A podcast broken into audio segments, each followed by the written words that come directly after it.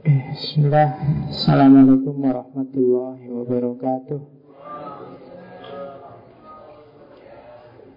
Bismillahirrahmanirrahim. Alhamdulillah.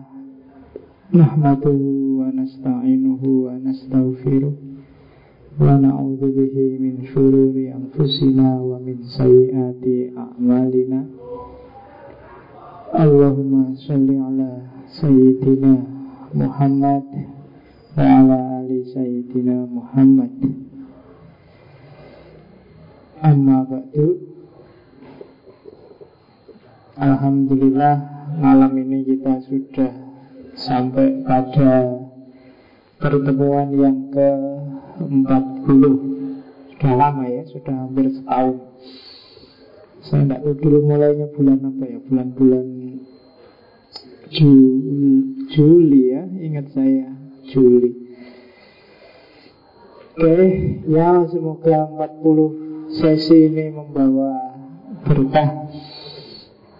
Belajar filsafat itu Poin pertama yang harus kita tuju adalah Sebenarnya mengenali diri kita sendiri.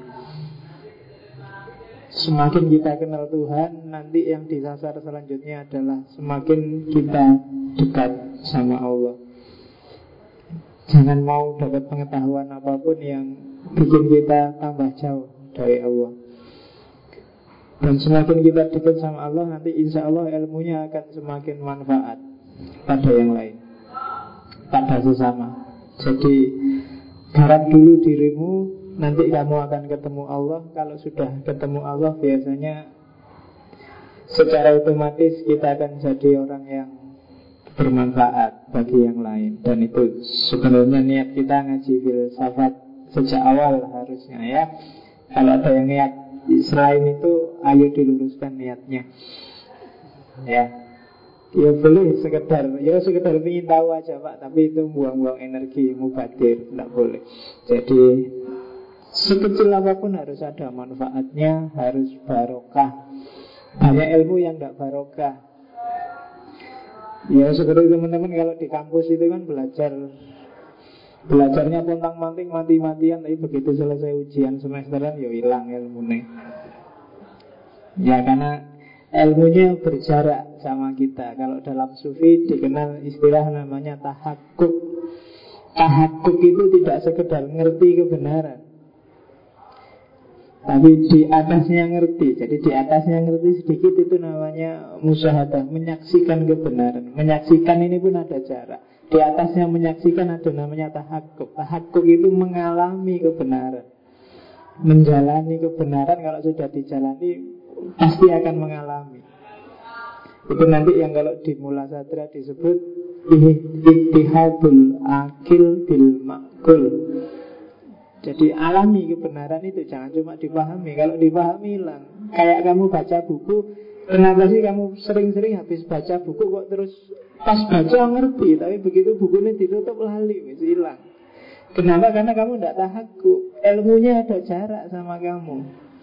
Ilmunya nggak ganggu. Ya mesti hilang. Tapi kalau ilmu itu manfaat Barokah biasanya Kamu terlibat langsung dengan kebenarannya ilmu itu itu namanya tahakuk Jadi ambil dari tokoh-tokoh yang kita kaji dari awal sampai akhir itu Mana dimensi yang bisa kamu hidupkan.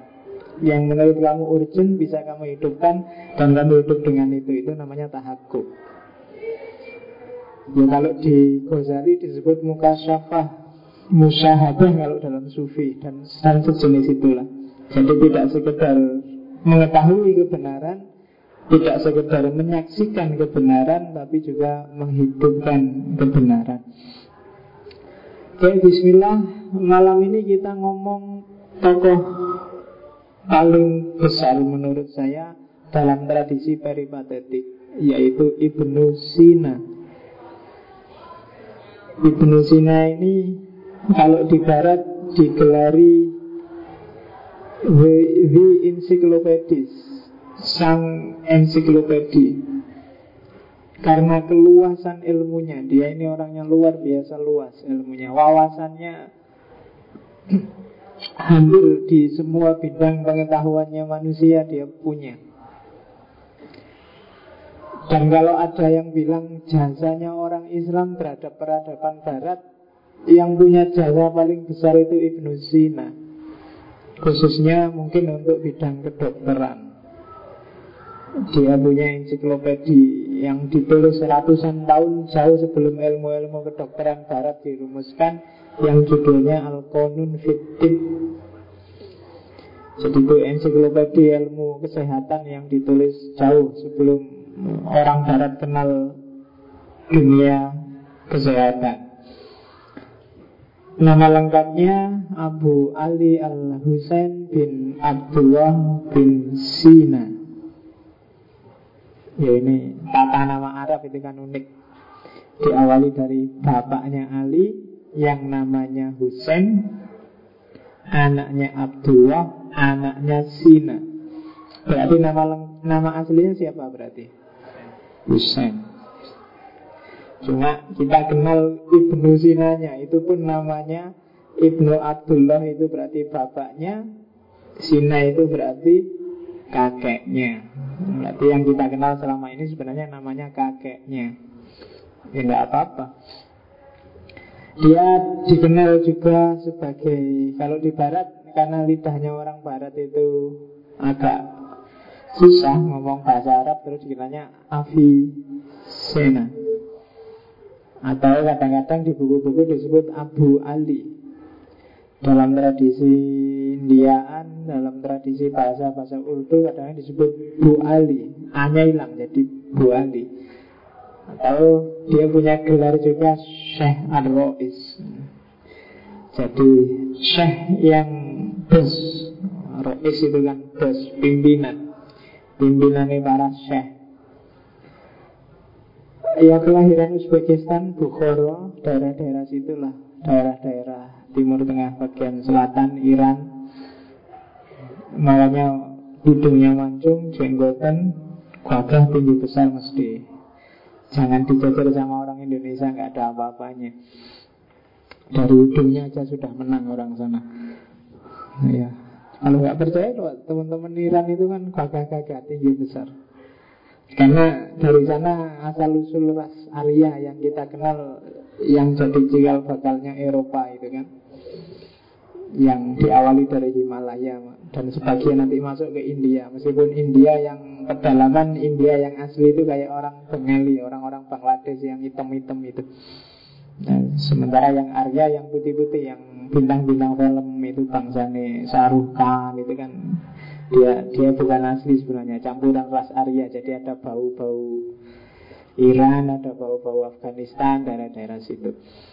Oke Ibnu Sina uh, agak susah menjelaskan seperti apa kebesarannya orang ini saya mencoba menginventarisir dari beberapa fakta tentang orang yang namanya Ibnu Sina ternyata banyak. Beberapa tak masukkan di sini. Nanti ini banyak. Coba dicek satu-satu. Saya ingin bikin kamu benar-benar punya preferensi bahwa dulu kita memang jaya luar biasa. Yang pertama catatan saya Ibnu Sina sudah apal Quran sejak umur 7 tahun. Kalau di, di Iran dan sekitarnya di Timur Tengah sebenarnya tidak luar biasa umur 7 tahun itu. Meskipun kalau di Indonesia kan kamu cuma bisa bilang wow sedikit. 7 tahun. Kamu 7 tahun baru abang ikro paling. Dia sudah hafal Quran dan mulai agak nyenggol-nyenggol belajar metafisika, belajar Aristoteles umur 8 tahun. Kamu sudah mau lulus S1, sudah S2 sih urung ngerti belas tentang apa itu metafisika, apa itu arti dia sudah nyenggol-nyenggol itu. Diceritakan dia lama membaca bukunya Aristoteles itu judik, nggak paham-paham.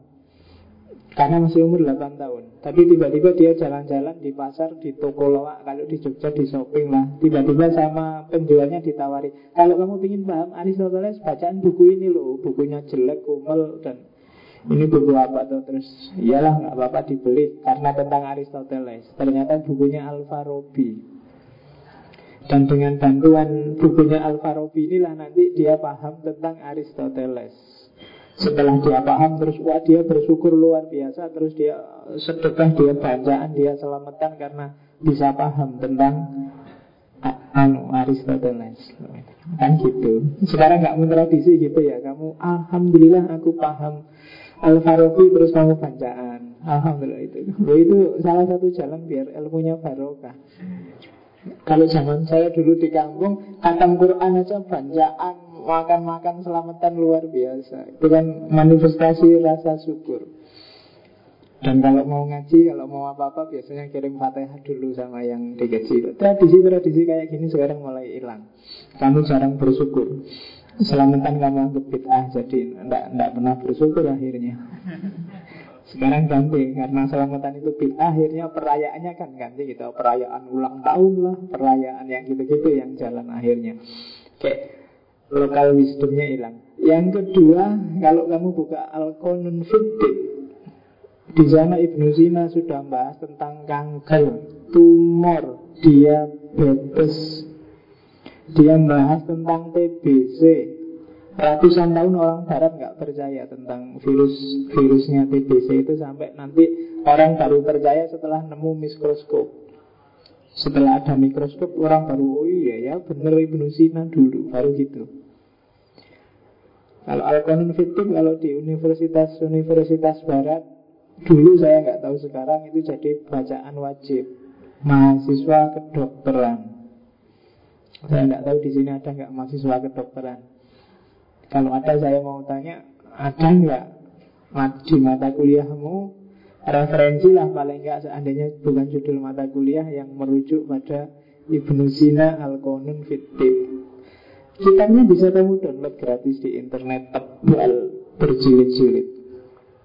Kalau di Indonesia mungkin kesulitannya karena tidak ngerti bahasa Arabnya itu. Itu yang bikin pening ya. Oke. Okay. Uh, ya, dia ahli psikofisiologi, ahli psikosomatik, ahli neuropsikiatri, jadi saraf, bangsa hipnosis, bangsa sekarang dia sudah lama ngomong itu. Kita aja yang kurang gaul baru hari ini heboh dengan hipnotis hipnotisan kayak di TV-TV itu. Neuroscience dia sudah bahas jauh sebelum orang barat ngerti. Dia mendahului Sigmund Freud, dia mendahului Carl Jung, dia sudah ngomong halusinasi, insomnia, mania, vertigo. Ibnu Sina sudah ngomong jauh sebelumnya. Temuan-temuan saya ini lagi yang terus dia juga orang yang merumuskan kode etik kedokteran awal. Misalnya dia ngomong ke mulutnya Jangan pernah bilang pada pasien kalau mereka gawat dan penyakitnya nggak bisa diobati. Karena psikologis kalau di Ibnu Sina turut membantu. Jadi kan banyak itu. Kenapa sih sekarang banyak penyakit macam-macam ya? Karena sekarang orang penakut. Kamu takut, kamu gentar sama penyakit, ya penyakitnya datang. Kalau nggak percaya dulu kamu kecil, itu kalau ada hujan Kamu kan malah ingin hujan-hujan Hujan-hujan itu seneng Luar biasa kamu di luar main sepak bola Main apa aja ketika hujan Tapi coba hari ini Kamu naik motor gerimis kecil-kecil aja Kamu pontang-panting minggir nyari. Kamu takut pilek. Kan itu yang kamu takuti. Apa kamu takut bajumu basah? Nah, Kalau baju basah kan nanti bisa dijemur. Paling kamu takut pilek kan. Dan memang kena air dikit sekarang kamu pilek. Itu sebenarnya banyak, banyak sugestinya sifatnya. Dan itu sejak awal sudah dibahas oleh Ibnu Sina Ibnu Sina orang pertama yang menggunakan alat yang disebut termometer Ibnu Sina juga sempat ngomong tentang fisika kuantum kalau dalam bahasa sekarang. Saya nggak bisa jelasin detail, aku kurang ngerti belas tentang fisika. Cuma di sana istilah-istilah medan energi, istilah-istilah yang dipakai oleh Einstein itu beberapa istilah sudah dipakai lebih dulu oleh Ibnu Sina. ESQ ah, Ari Ginanjar sebelum ESQ hari ini yang marah itu Ibnu Sina sudah membahas itu Bagaimana keterkaitan antara emosi dengan kecerdasan, antara spiritualitas dengan kecerdasan. Dia juga ngomong tentang kesadaran, yang itu nanti sangat mempengaruhi pelopor filsafat modern di dunia barat, yaitu Rene Descartes. Sehingga dia mengeluarkan jargon, aku berpikir maka aku ada. Itu sebenarnya jauh sebelumnya tentang kesadaran diri sudah dibahas oleh Ibnu Sina di bidang metafisika yang menarik bagi saya adalah dia sudah nulis apa yang banyak dihebohkan orang. Mungkin kalian pernah baca buku yang judulnya The Secret. Law of Attraction. Bahwa kalau kekuatan mentalmu kuat luar biasa, nggak ada yang tidak mungkin. Kalau hari ini kamu tegaskan, aku harus dapat pacar yang cakep dan kamu serius sekali semua daya upaya intelijensimu kamu arahkan untuk dapat pacar yang cakep maka alam semesta ini akan menyesuaikan dengan karepmu dengan kehendakmu itu the secret kamu sejak dulu ingin aku ngerti filsafat tapi neng kampus tidak ada mata kuliahnya alam semesta ngatur tiba-tiba lu ada ngaji filsafat gratis dapat minum lagi itu teorinya the secret jadi kamu ingin apa? Kadang-kadang kayak kebetulan ya. Nah, itu tapi itu alam yang ngatur. Ada medan energi dan itu pengaruh mentalmu juga. Pengaruh pikiran, pengaruh mental. Nanti kapan-kapan kamu cari buku The Secret itu. Kalau nggak kuat beli, kamu download aja. Sekarang downloadannya gratis banyak. Ya pakai itu The law of attraction Jadi orang di sekelilingmu Energi Alam semesta di sekelilingmu Akan akan manut pada perintah mentalmu, perintah intelijensimu. Hanya saja kita sering tidak yakin. Kita itu sering ragu-ragu. Ya alam juga ragu-ragu mau nyupet kamu, wong karepmu tidak jelas. Tapi kalau kamu tegas, harus dapat ini. Semester lima harus dapat. Ah itu kenal dengan mesti. Itu the law of attraction. Harus kumulot aku, harus kumulot. Itu biasanya banyak kebetulan-kebetulan sebenarnya bukan kebetulan ya. Kebetulan kalau di Indonesia kan sama aja dengan kebenaran. Bodoh-bodoh faktanya. Tapi alam akan itu the law of attraction. Dan Ibnu Sina sudah ngomong itu ya Meskipun dia tidak ngomong hukum ketertarikan Saling tarik menarik antar medan energi. Dan ini nanti kalau di Ibnu Sina Dibahasnya di filsafat kenabian. Nanti kita lihat seperti apa hubungannya. Pengobatan dengan lintah. Saya lihat oh ada ya. Ternyata Ibnu Sina juga ngomong Bahwa lintah itu bisa menyedot darahmu yang kotor Dan bisa mengobati. Kalau di TV-TV kan banyak itu. Jadi jauh sebelum Barat ngomong itu Ibnu Sina sudah ngomong. Terus dia juga ngomong tentang peredaran darah. Jauh sebelum William, William Harvey ngomong. Ibnu Sina juga dapat disebut menurut saya sebagai founding fathernya rumah sakit jiwa. Jadi dia orang pertama yang sadar bahwa jiwa itu lebih perlu disembuhkan dulu daripada fisik. Maka dia punya dan murid-muridnya punya bangsal khusus untuk orang-orang yang sakit jiwa. Yang hari ini banyak dibutuhkan oleh caleg-caleg yang gagal itu kan. Itu kalau nggak disembuhkan itu bisa merusak itu kan. Sakit jiwa itu nggak kelihatan loh. Jangan dikira kamu yang ikut ngaji, ketawa-ketawa ikut nggak sakit jiwa. Kadang-kadang kamu nggak sadar sebenarnya jiwamu itu sakit. Jadi stres tapi kerasa. Kamu terhalus istilahnya bukan stres sekarang kan galau. Ya kan, ya doa. Wah lagi kumat galonya. Itu kan sama dengan lagi kumat stres. Kalau di kampung itu kumat gendengnya gitu. Kan gitu sama aja Cuma istilahnya aja beda kan Gendeng, stres, ngeten, galau. Ini kode wae. Meskipun kamu bilang aku rapopo Tapi kelihatan kan Enggak, enggak apa-apa itu kan. Jadi ngomong apa-apa itu kan sebenarnya. Kalau ada orang bilang Enggak apa-apa, enggak apa-apa Sebenarnya apa-apa. Kayak orang takut tapi bilang-bilang Enggak, aku enggak takut kok, aku enggak takut Jangan ya wedi Cuma keluarnya itu enggak. Kalau orang enggak takut, diem aja biasanya santai aja. Tapi kok pakai ada teriak-teriak enggak takut itu Biasanya ya takut. Dan sakit jiwa kayak gitu banyak. Tadi di TV sebelum ini aku nonton TV One itu ada pacarnya mau dikawinkan terus dia nesu orang sak rumah dibantai. Oh, itu kan sakit jiwa itu. Dan tapi dia nggak sadar ya merasa sembuh aja, merasa waras saja. Tapi bagi saya sakit jiwa dan banyak kan sakit jiwa hari ini. Kasus-kasus di TV itu kan cerminan orang sakit jiwa semua. Coba kemarin siapa yang lihat ILC itu kan, itu kan kayak orang waras yang diskusi. Tapi kalau kamu jeli, jadi banyak yang sedang sakit jiwa. Ada mental yang gejala-gejala tidak sehat. Kita perlu Ibnu Sina lagi. Oke, okay. uh, ya dia Ibnu Sina juga masih panjang sebenarnya fakta dan pantas kalau orang disebut Syekh Ar-Rois dia tokohnya para Syekh, tokohnya para guru, bosnya. Dia menemukan mikroorganisme, menemukan metanol.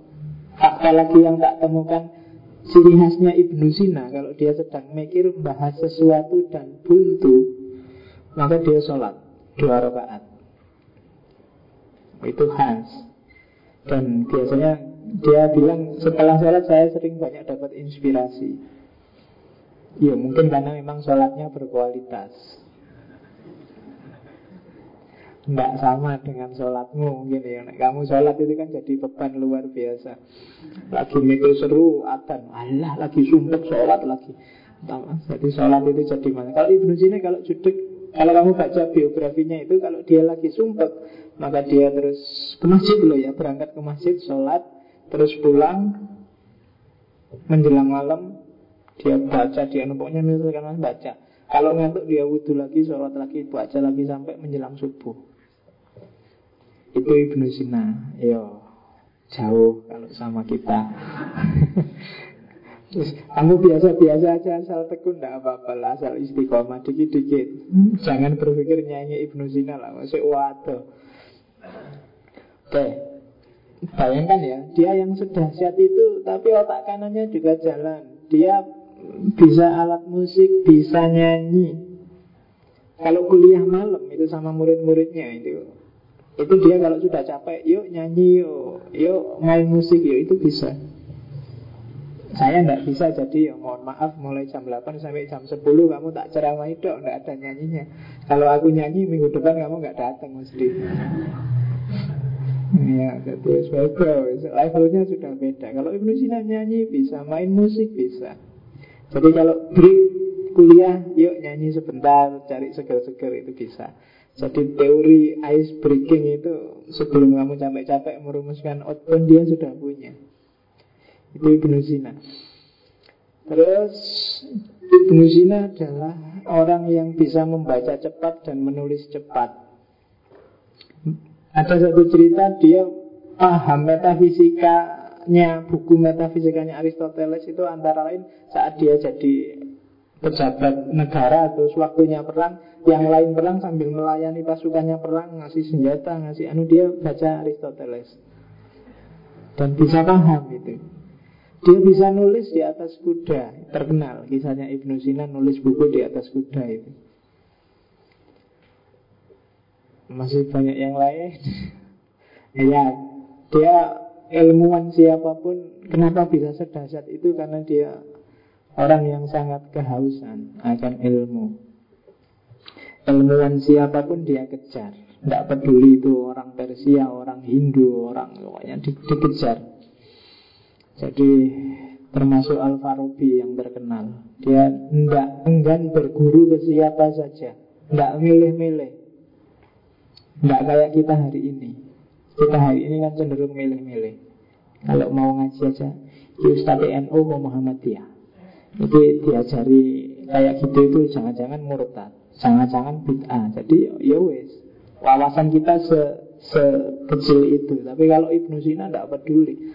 Dia bisa menyusup-nyusup ke kuil-kuil untuk belajar. Di situ antara lain misalnya dia belajar tentang ramuan obat itu dari guru-guru Persia, tradisi Zoroastrian.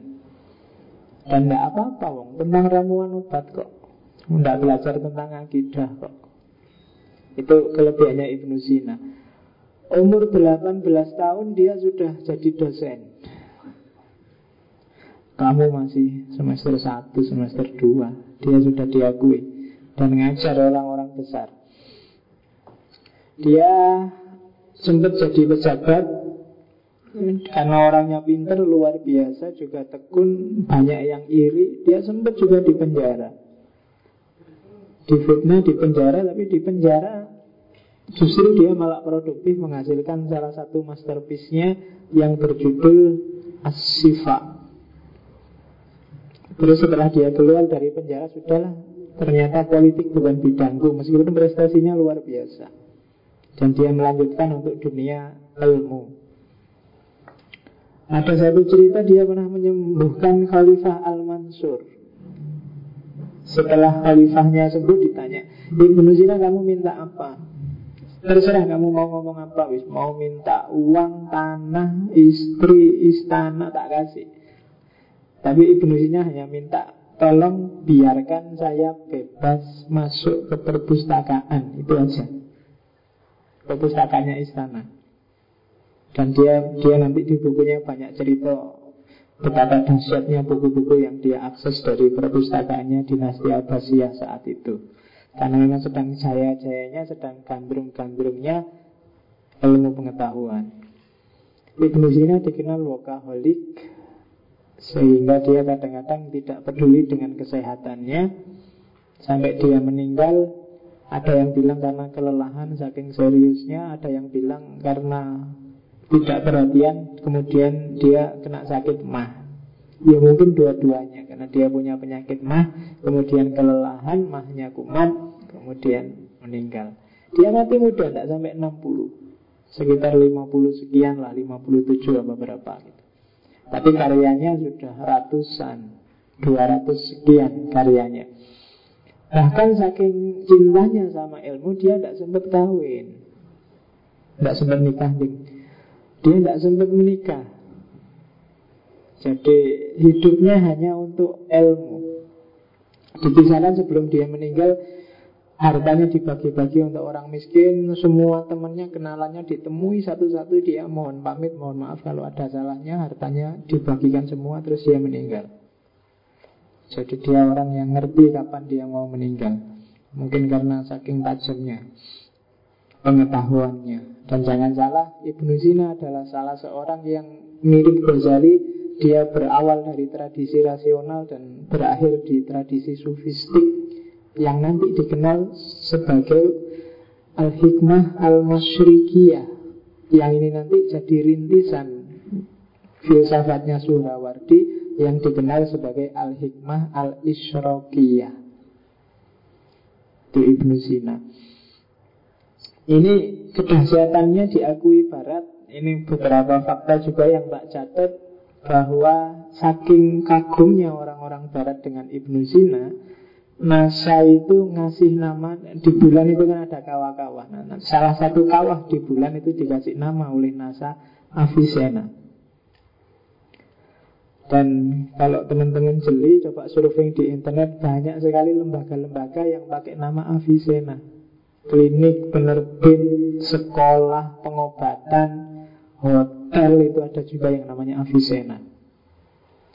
UNESCO punya agenda namanya Avicenna Prize. Itu orang-orang yang berjasa di bidang penelitian.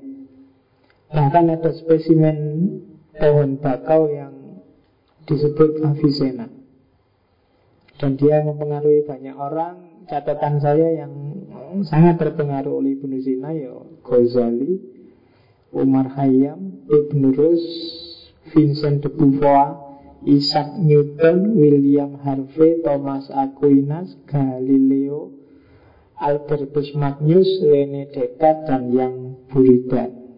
Nama-nama besar di dunia ilmu pengetahuan yang cara berpikirnya sangat dipengaruhi oleh Ibnu Sina dan yang paling terkenal belum ditulis di situ adalah apa? Francis Bacon yang bilang knowledge is power yang jadi rintisan awal lahirnya revolusi industri dan renaisan di barat. Oke jadi itu untuk membangun image kita bahwa kita punya orang-orang besar dalam sejarah dalam peradaban. Kita membanggakan itu tapi yang lebih penting adalah apa yang kita lakukan sekarang Orang dulu sedahsyat itu. Hari ini apa yang bisa kita berikan untuk peradaban? Nah, Itu yang harus kita pikir. Boleh kamu nostalgia dengan masa lalu seperti ini Tapi yang lebih penting setelah ngerti dahsyatnya orang-orang dulu Apa sumbangan kita sekarang? Kan itu. Dan itu tugasmu karena kamu masih muda. Nih, Aku itu tua Sudah agak jauh ya. Kamu tak provokasi aja Jadi tugasku provokasi kamu. Bentuklah dirimu mulai sekarang. Gunanya belajar sejarah itu untuk mengkomparasi banding-bandingkan Oh ya, ya Ibnu Sina umur 18 sudah jadi dosen. Aku sekarang umur berapa? Sudah jadi apa ya? Ibnu Sina umur 7 tahun sudah apal Quran. Aku sekarang umur berapa ya? Jangan-jangan ngaji aja sudah males. Oh itu. Kamu yang introspeksi untuk membangun dirimu Oke, bismillah Pelan-pelan kita masuk sekarang ke filsafatnya Ibnu Sina yang nanti beberapa di antaranya dikritik habis-habisan oleh Ghazali. Nah, minggu depan kita akan ngomong Ghazali, sang hujjatul Islam. Kita lihat apa sih yang ada di pikirannya Ibnu Sina di bidang filsafat. Pikiran-pikirannya sangat luas, ya saya nggak bisa menyampaikan semuanya, tak ambil yang kira-kira saya paham dan kamu kira-kira bisa nangkep. Karena kalau tak sampaikan semua tak Khawatirnya kamu pening malah gak dapat apa-apa. Tak Ambil yang simpel-simpel aja. Kayak kaidah usul fikih itu loh. Malah yudraku kuluhu La yudraku kuluhu Ya memang luas. Gak mungkin tak sampaikan semua Tapi ya jangan ditinggal semua. Kan gitu. Itu sebenarnya kaidah yang luar biasa dalam banyak hal. Kalau kita nggak bisa 100% ya bukan berarti terus ditinggal. Ya 60% lah. Kalau bisa ya kalau nggak bisa ya 50% bisa nih 10% ya 10% lah. Sholat nggak bisa kusuk ya nggak apa-apa Kusuknya cuma 5% ya 5% dulu Jangan kok terus Enggak pak saya enggak sholat Enggak bisa kusuk pak Enggak ada gunanya saya sholat ngapain Ya enggak gitu Kan jangan-jangan kamu sering mikirnya kayak gitu kalau sholatku masih jelek paling ya ah itu ya jangan. Kalau nggak bisa 100% ya bisanya 50 ya 50, bisanya 30 ya 30, bisanya 10 ya 10. Oke. Pengetahuan. Nah, sebenarnya tak ambil yang simpel-simpel yang kamu bisa nangkep. Atau dengan bahasa yang tak simpelkan sendiri Karena di bukunya Ibnu Sina itu ya jelimet Kamu baca sendiri juga pening mesti Pengetahuan adalah sesuatu yang diperoleh dari realitas melalui panca indera. Ini definisi paling dasar. Jadi ini agak kenapa bukan kalau Plato ini kan pengetahuannya tidak dari panca indera tapi muncul dari akal dengan cara mengingat-ingat dunia ide yang ada di, di alam rohani. Tapi kalau karena dia sangat Aristotelian, maka pengetahuan itu sumbernya selalu panca indera. Kalau nggak dari panca indera nggak ada bahannya, akal yang mengolah. Jadi tahu sesuatu itu diawali dari panca indera. Kamu ngerti ini keras kan dari setelah kamu raba kamu pecet-pecet, oh keras. Kamu ngerti ini lunak kan setelah kamu lihat, kamu raba, kamu becet, oh lunak. Dari panca indera. Apa pun itu, silahkan kamu cermati sendiri. Bahkan pengetahuan yang di luar panca indera pun sebenarnya sumbernya juga panca indera. Namanya asosiasi. Semua gambaranmu tentang yang di luar panca indera, di luar empiris kan kamu bayang-bayangkan secara asosiatif dengan pengetahuanmu yang hasil dari panca indera. Barang goib misalnya, apa wis? Surga. Surga di kepalamu kan semua surga yang hasil pemahamanmu tentang dunia fisik. Di surga itu ada apa aja kira-kira? Ada sungai, ada ya kan? Ada kolam, susu, kolam, madu, ada apa bidadari, bidadari itu apa? Perempuan cantik. Ya kan? Bu, ini kan ada semua di panca indramu. Ini kan pengetahuan empiris sebenarnya. Surga kan nggak kayak gitu, tapi kita analogikan ke sana. Karena memang untuk dia jadi pengetahuan, pintu pertama adalah panca indera. Itu namanya cara berpikir asosiatif. Meskipun kita yakin apa pun pikiran kita tentang surga, tentang neraka, nggak kayak gitu kok, kan selalu gitu. Itu hanya untuk gambaran saja. Jadi loncatannya harus lewat panca indera Tanpa lewat panca indera kita nggak akan paham Menjelaskan sesuatu yang abstrak sama sekali orang nggak akan paham Hantu itu ada apa ya? Ada energi Energi itu kayak apa ya? Kayak ada listriknya ada Nah kan kamu selalu nyari Ada kilatan-kilatannya Ada kan selalu begitu. Kamu, kamu susah memahami sesuatu yang abstrak 100% itu tidak ada. Awalnya pasti lewat pintu yang namanya panca indera Dan panca indera itu kalau di Ibnu Zina ada dua. Ada dimensi eksternalnya Ada dimensi internalnya. Dimensi eksternal Ya teman-teman sudah ngerti ya, Pakai mata, pakai telinga, pakai hidung, pakai terlaba, pakai tangan kan gitu. Mata untuk melihat telinga untuk mendengar. Apalagi melihat mendengar meraba pakai tangan apa kulit meraba itu. Tangan ya pakai tangan perasa perasa pakai lidah terus pencium pencium pakai hidung apa mulut Lalu kalau nyium pakai hidung atau pakai mulut? ya. Dua-duanya, kamu ganas banget. Oke ya. Maksudnya penciuman, ya pakai hidung lah. Aroma maksudnya. Eksternal. Itu eksternal kenapa? Ya udah. Tapi di sampingnya eksternal ada yang internal. Yang internal itu ada empat jenis Yang pertama Al-Hisul Mustarok Yang kedua Al-Musawirah Yang ketiga Al-Mutakhayilah Dan yang keempat Al-Mauhimah Al-Hisul Mustarok Itu Pengetahuan yang diperoleh dari mix antara berbagai panca indera jadi Hisul mustarak itu kadang-kadang kamu tidak cukup hanya mencium saja. Kadang-kadang itu gabungan antara penciuman, penglihatan, pendengaran, terus kamu simpulkan. Dan kesimpulan itu kan hal yang berbeda.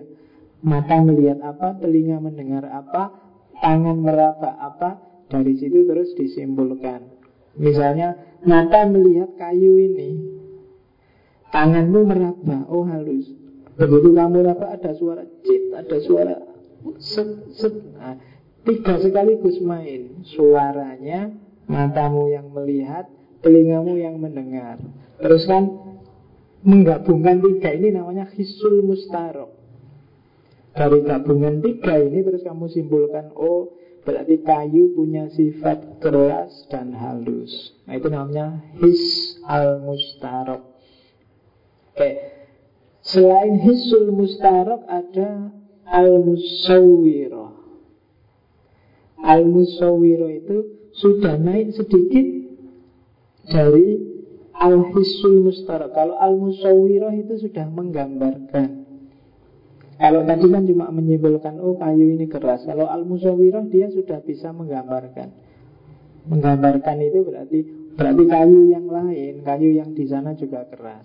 Kapan pun aku ketemu kayu berarti dia keras. Di atas al-musawwir ada al-mutakhayilah. Al-mutakhayilah ini sudah menganalisis, sudah oh kayu itu keras karena dia dikeringkan karena dia itu al-mutakhayilah yang main. Dan yang keempat al-mauhimah. Mahimah itu menerka, menyimpulkan. Berarti kayu punya sifat A, B, C, D. Itu namanya al-mauhimah. Jadi ini semua Hisul mustarok, musawiro, mutakhoyilah, mauhimah itu sifatnya indrawi eksternal dan internal. Sifatnya indra. Jadi bukan belum belum daya penalarannya belum main. Ini masih menggabung-gabungkan pemahaman dari kenyataan dari dunia empiris. Jadi itu gerbang yang pertama dari pengetahuan. Dan ini penting. Banyak filosof yang hanya berhenti di sini. Karena selain ini dianggap tidak penting. Dulu mungkin pernah tak sampaikan entah pertemuan ke keberapa ada filosof namanya David Hume. Bagi dia semua kenyataan, semua pengetahuan itu sifatnya empiris. Yang enggak empiris itu sebenarnya empiris juga. Kita sendiri yang ngarang. Ada ide tunggal, ada ide kompleks. Semuanya empiris. Yang kompleks itu gabungan dari ide tunggal. Misalnya mikrofon ini. Mikrofon ini kan gabungan dari Yang penting gimana caranya Suaranya manusia bisa terdengar ke mana-mana jauh. Dan mungkin gabungan dari bentuknya gimana Bisa orang nyaman ngomongnya. Kalau dulu mikrofon bulat kayak gini Kadang-kadang dibungkus sama kain Biar nggak basah Kadang-kadang. Nah, itu kan Itu kan imajinasi. Orang bermain dengan dari ide satu ke ide yang lain dari ide satu itu kan ide yang diperoleh dari kenyataan. Dalam agama kadang-kadang kan kayak gitu. Sering saya contohkan dulu saya kecil di kampung-kampung sering ketemu gambarnya buruk. Kendaraannya Nabi Muhammad waktu Isra Mi'raj itu loh. Gambarnya itu kuda yang punya sayap terus kepalanya perempuan cantik. Itu kan kalau di David Hume namanya gagasan kompleks. Itu sumbernya semua dari pengalaman empiris kita sehari-hari. Ya kan? Kenapa kok pakai kuda? Itu kan karena dalam pengalaman kita yang namanya kendaraan, itu kan kendaraan yang ditunggangi Nabi waktu Isra Mi'raj. Kendaraan kalau di Arab zaman itu kan satu di antara dua. Kalau enggak unta ya kuda. Katanya cepet tapi larinya dia bisa sekelebatan bisa nyampe sejauh dia memandang. Kalau dibandingkan antara onta sama kuda, ya berarti lebih cepat kuda dong. Oh, berarti kuda, kuda simbolnya. Nah, akan terus dipakailah kuda. Tapi dia ini bisa naik ke mikrot, ke langit tingkat tujuh. Bayangannya langit kan di atas, terbang. Loh, tapi kuda itu tidak bisa terbang. Yang bisa terbang burung Kalau kuda di atas darat Terus kamu mikir Terus kan gagasan pengalaman manusia selama ini Yang bisa terbang burung. Kenapa dia bisa terbang? Karena punya sayap. Oh kalau gitu kudanya dikasih sayap aja. Karena kalau kuda diganti burung nggak mungkin dikendarai Wong kendaraan itu. Kuda Ya wis kuda dikasih sayap. Dan ada hadis yang bilang bahwa buruk itu termasuk komunitasnya beda dari dia cantik. Terus kan orang mikir, lu secakep-cakepnya kuda, apa iya beda dari kepalanya modelnya kayak kuda itu? Terus orang oh, oh daripada susah-susah potong aja kepalanya ganti kepalanya perempuan cantik. Maka jadilah kamu sekarang gambarnya burung itu kuda yang punya sayap dan kepalanya perempuan cantik. Oh, ini namanya gagasan kompleks. Orang menggabung-gabungkan ide dari pengalamannya. Dan itulah gagasan pertama, pintu gerbang pertama dari pengetahuannya manusia. Kalau saya bilang besok di akhirat amal kita akan ditimbang. Begitu saya ngomong ditimbang, yang muncul di kepalamu apa? Timbangan. Maka di komik-komik surga itu kan waktu kiamat terus digambarkan ada timbangan besar terus kamu di bawahnya terus ditimbang. Oh, kalau amal baiknya berarti kan timbangan yang muncul. Kita akan menyeberang lewat sirotol mustaqim. Nah, begitu ada kata nyebrang yang terbayang apa? Jembatan. Jadi kalau itu jembatan berarti kan dia harus di bawahnya ada jurang apa ada itu terus karena di akhirat masuk ada jurang ya berarti yang di bawah neraka berarti kan wah jurang. Dan kalau jembatan itu kan menuju tujuan oh, tujuannya kan surga berarti ini jurangnya neraka di sini surganya terus di atasnya neraka ada jembatannya siratal mustaqim. Itu gagasan kompleks. Ya termasuk gambaran surga tadi kan Ada kolam susunya, kolam madunya, ada rumah di tepi sungainya, ada itu kan bayanganmu kan gitu. Nah itu gagasan pintu pertama pengetahuan. Pintu pengetahuan ini akan membawa orang pada pintu yang kedua yang disebut daya penalaran yang namanya al-quwah an-natikoh kekuatan berpikir, kekuatan daya penalaran. Jadi kalau daya penalaran ini sudah tidak lagi tergantung dengan dunia fisik. Bahannya ya semua pengetahuan terdahulu yang selama ini kamu miliki. Sudah nggak lagi tergantung fakta. Isinya dua, yang pertama namanya akal praktis, yang kedua namanya akal teoritis. Akal praktis itu kemampuan berpikir manusia secara nyata. Kalau akal teoritis itu potensi berpikir manusia. Gampang-gampangannya itu. Potensi abstrak berpikirnya manusia. Akal praktis ada tiga. Yang pertama adalah Al-Quwah An-Nuzu'iyah Yang kedua Al-Quwah Al-Mutakhoyilah Dan yang ketiga Al-Quwah Al-Muhimah. Sebenarnya sederhananya Orang berpikir secara praktis itu Tergantung tiga hal.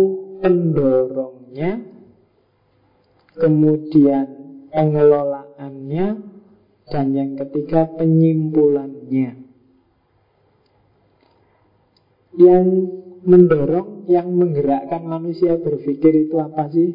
Itu menentukan namanya al-quwah an-nuzu'iyah. Setelah itu gimana cara mengelolanya? Orang menyebutnya cara dia apa? Berpikir secara abstrak, daya imajinasi, daya hayalnya mengelola data itu seperti apa. Dan yang ketiga, terus gimana cara dia menyimpulkan. Yang mendorong aku berpikir adalah pemilu, misalnya, kecurangan-kecurangannya. Terus, daya imajinasimu main. Kenapa ya pemilu itu kok curang? Mungkin Orang Indonesia ini sekarang sudah materialistik. Orang Indonesia itu sekarang parameter-parameternya selalu fisik. Yang dicari hanya kesenangan sesaat.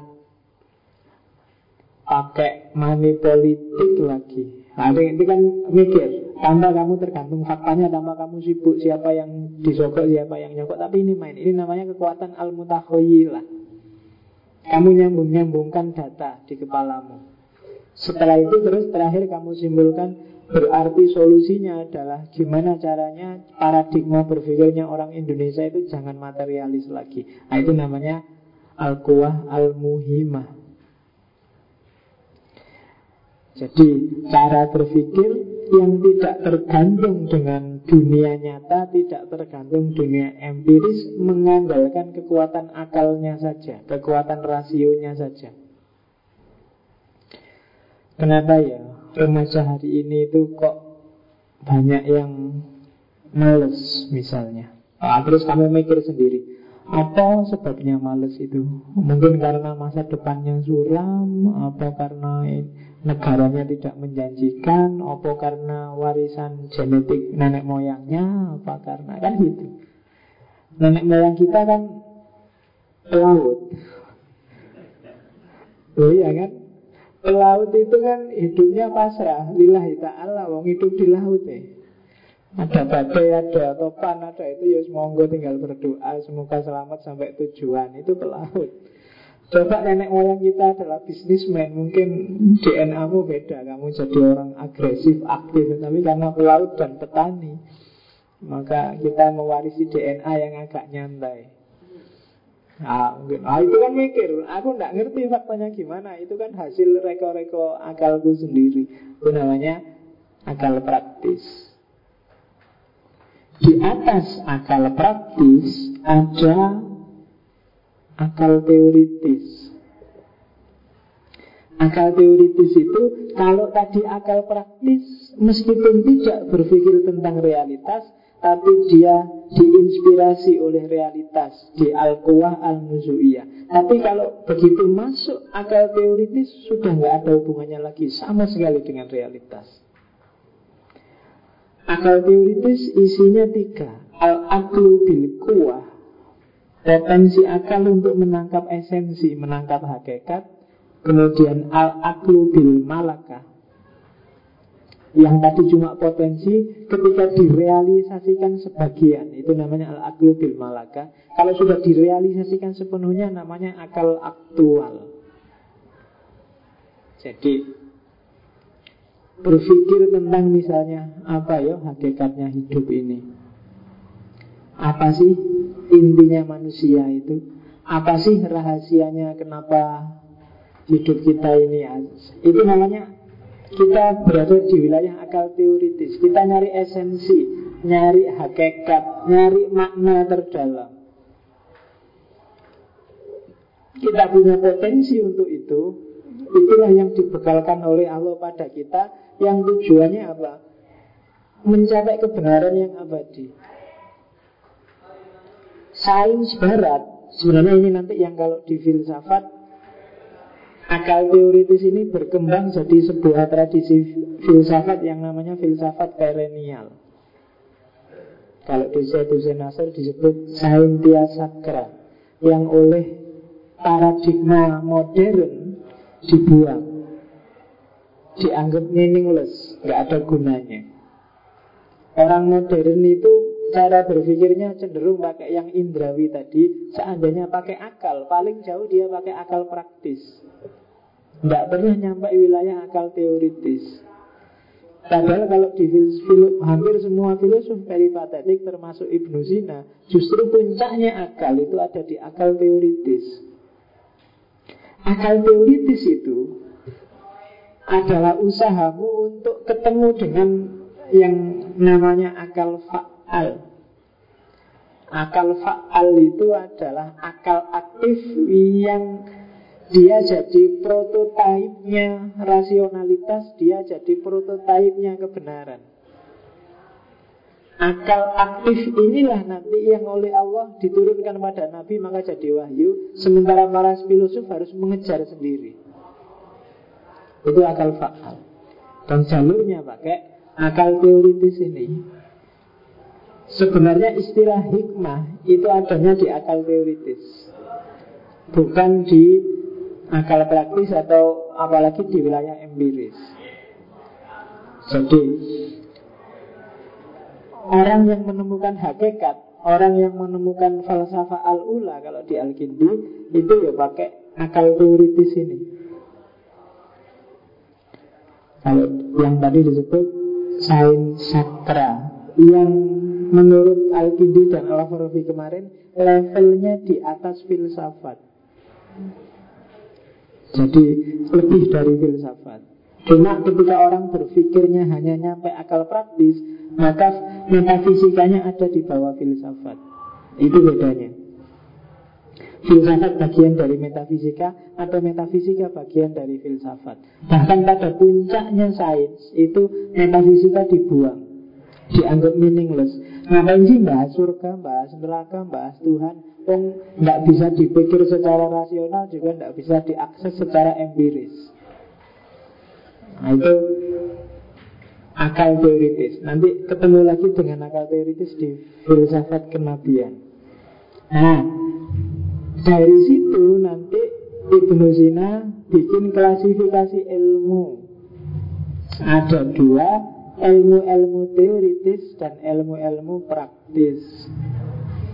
Ilmu teoritis itu ngomong sebagaimana adanya. Kalau ilmu praktis ngomong bagaimana seharusnya.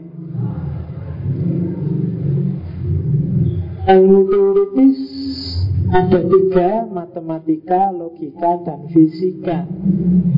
Ilmu praktis ada tiga juga, etika, politik, dan ekonomi. Saya tidak tahu wilayah kamu kuliah jurusan apa, tapi identifikasi dirimu di sini. Kalau di luar enam klaster itu berarti kalau pakai Ibnu Sina ilmumu tidak ada gunanya. Atau jangan-jangan bukan ilmu. Ya yang jurusan agama ya dilihat orientasinya ke mana. Kalau untuk perilaku berarti etika. Kalau kamu bahas benar salahnya ya masuk logika, matematika. Untuk jadi ilmu loh ya. Kalau untuk diyakini beda urusan. Tapi untuk dia jadi ilmu, dia harus masuk tiga klaster itu. Dan seperti banyak para filosof yang lain, Sina juga bikin ranking. Ya ranking tertinggi adalah logika matematika. Karena dia puncaknya. Orang yang tidak ngerti logika, tidak ngerti matematika Dia tidak akan bisa berpikir rasional. Dan bekal paling utama yang namanya ilmu itu berpikir rasional. Kalau tidak bisa mikir, tidak bisa. Nah itu klasifikasi ilmu. Tak lanjutin lagi, masih panjang. Sekarang membuktikan Tuhan ini selalu diulang-ulang oleh para filosof peripatetik, oleh para filosof awal karena filsafat di era ini masih banyak yang tidak setuju. Ah, membuktikan Tuhan sebenarnya dalilnya sederhana, mirip-mirip dulu kalau jadi di filsafat peripatetik itu ada tiga tipe pembuktian Tuhan. Yang pertama model Al-Kindi yang disebut Dalilul Khudus Yang kedua model Ibnu Sina Ini yang mirip Al-Farabi namanya Dalilul Jawas. Dan nanti model Ibnu Rus yang disebut Dalilul Ikhtiro Wal Inayah. Dalilul Khudus yo. Kemarin di Al-Kindi bisa dicek lagi Kenapa kok disimpulkan alam ini baru kalau pakai Ibnu Sina namanya dalilul jawas. Dalil kemungkinan. Sebenarnya sederhana cara berpikirnya Dalil kemungkinan itu Coba dicek di sekelilingmu. Semua hal yang ada di sekelilingmu Pasti ada sebabnya. Gak ada yang gak ada sebabnya. Jaket Bangku laptop, bahkan kamu itu kan ada sebabnya. Yang sebab ini disebabkan juga oleh yang lain. Gelas dibikin oleh, dibuat dari pasir, pasir terbuat dari ya, bahan apalagi manusia kamu berasal dari bapakmu, bapakmu dari simbahmu, simbahmu dari buyutmu, buyutmu dari canggahmu, canggahmu dari oh di atas canggah apa? Hah? Udek-udek Udek-udek Di atas udek-udek terus. Mungkin sampai Nabi Adam lah mau percaya. Nabi Adam ada yang bikin. Ada sebabnya. Dia tidak ngomongin ada tanpa ada sebabnya. Segala sesuatu pasti ada sebabnya. Dan sebab-sebab akibat ini kan berangkai. Cuma rangkaian sebab akibat ini harus ada titik akhirnya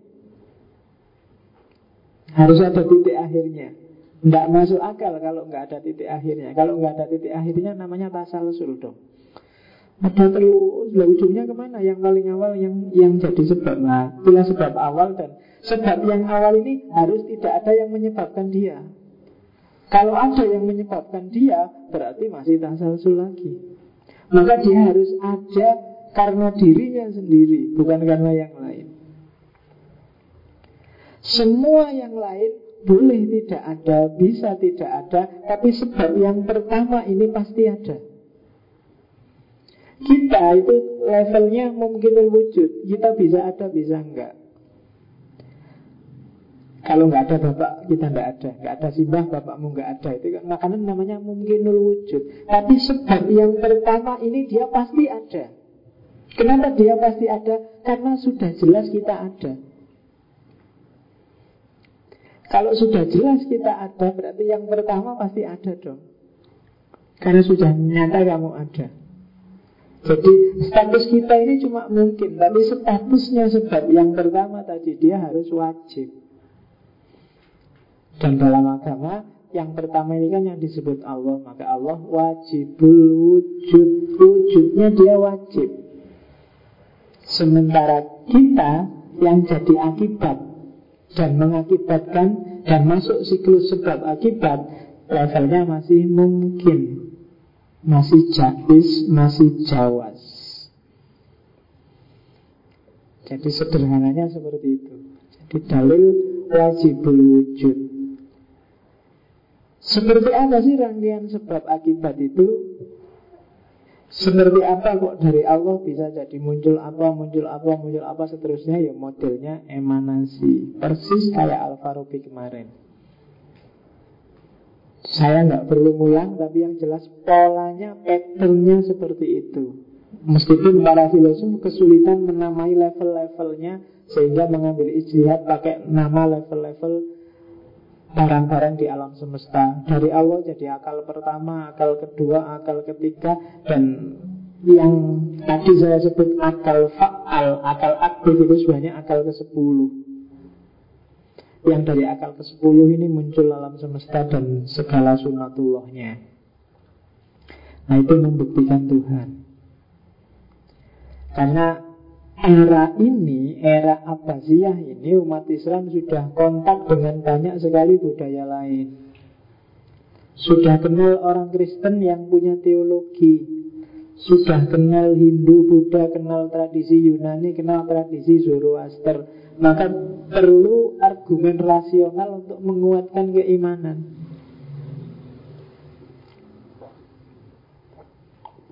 Kalau sebelumnya kamu yakin selesai cukup, oh nggak ketemu siapa-siapa. Tapi begitu ketemu orang lain, sekarang kamu butuh dalil.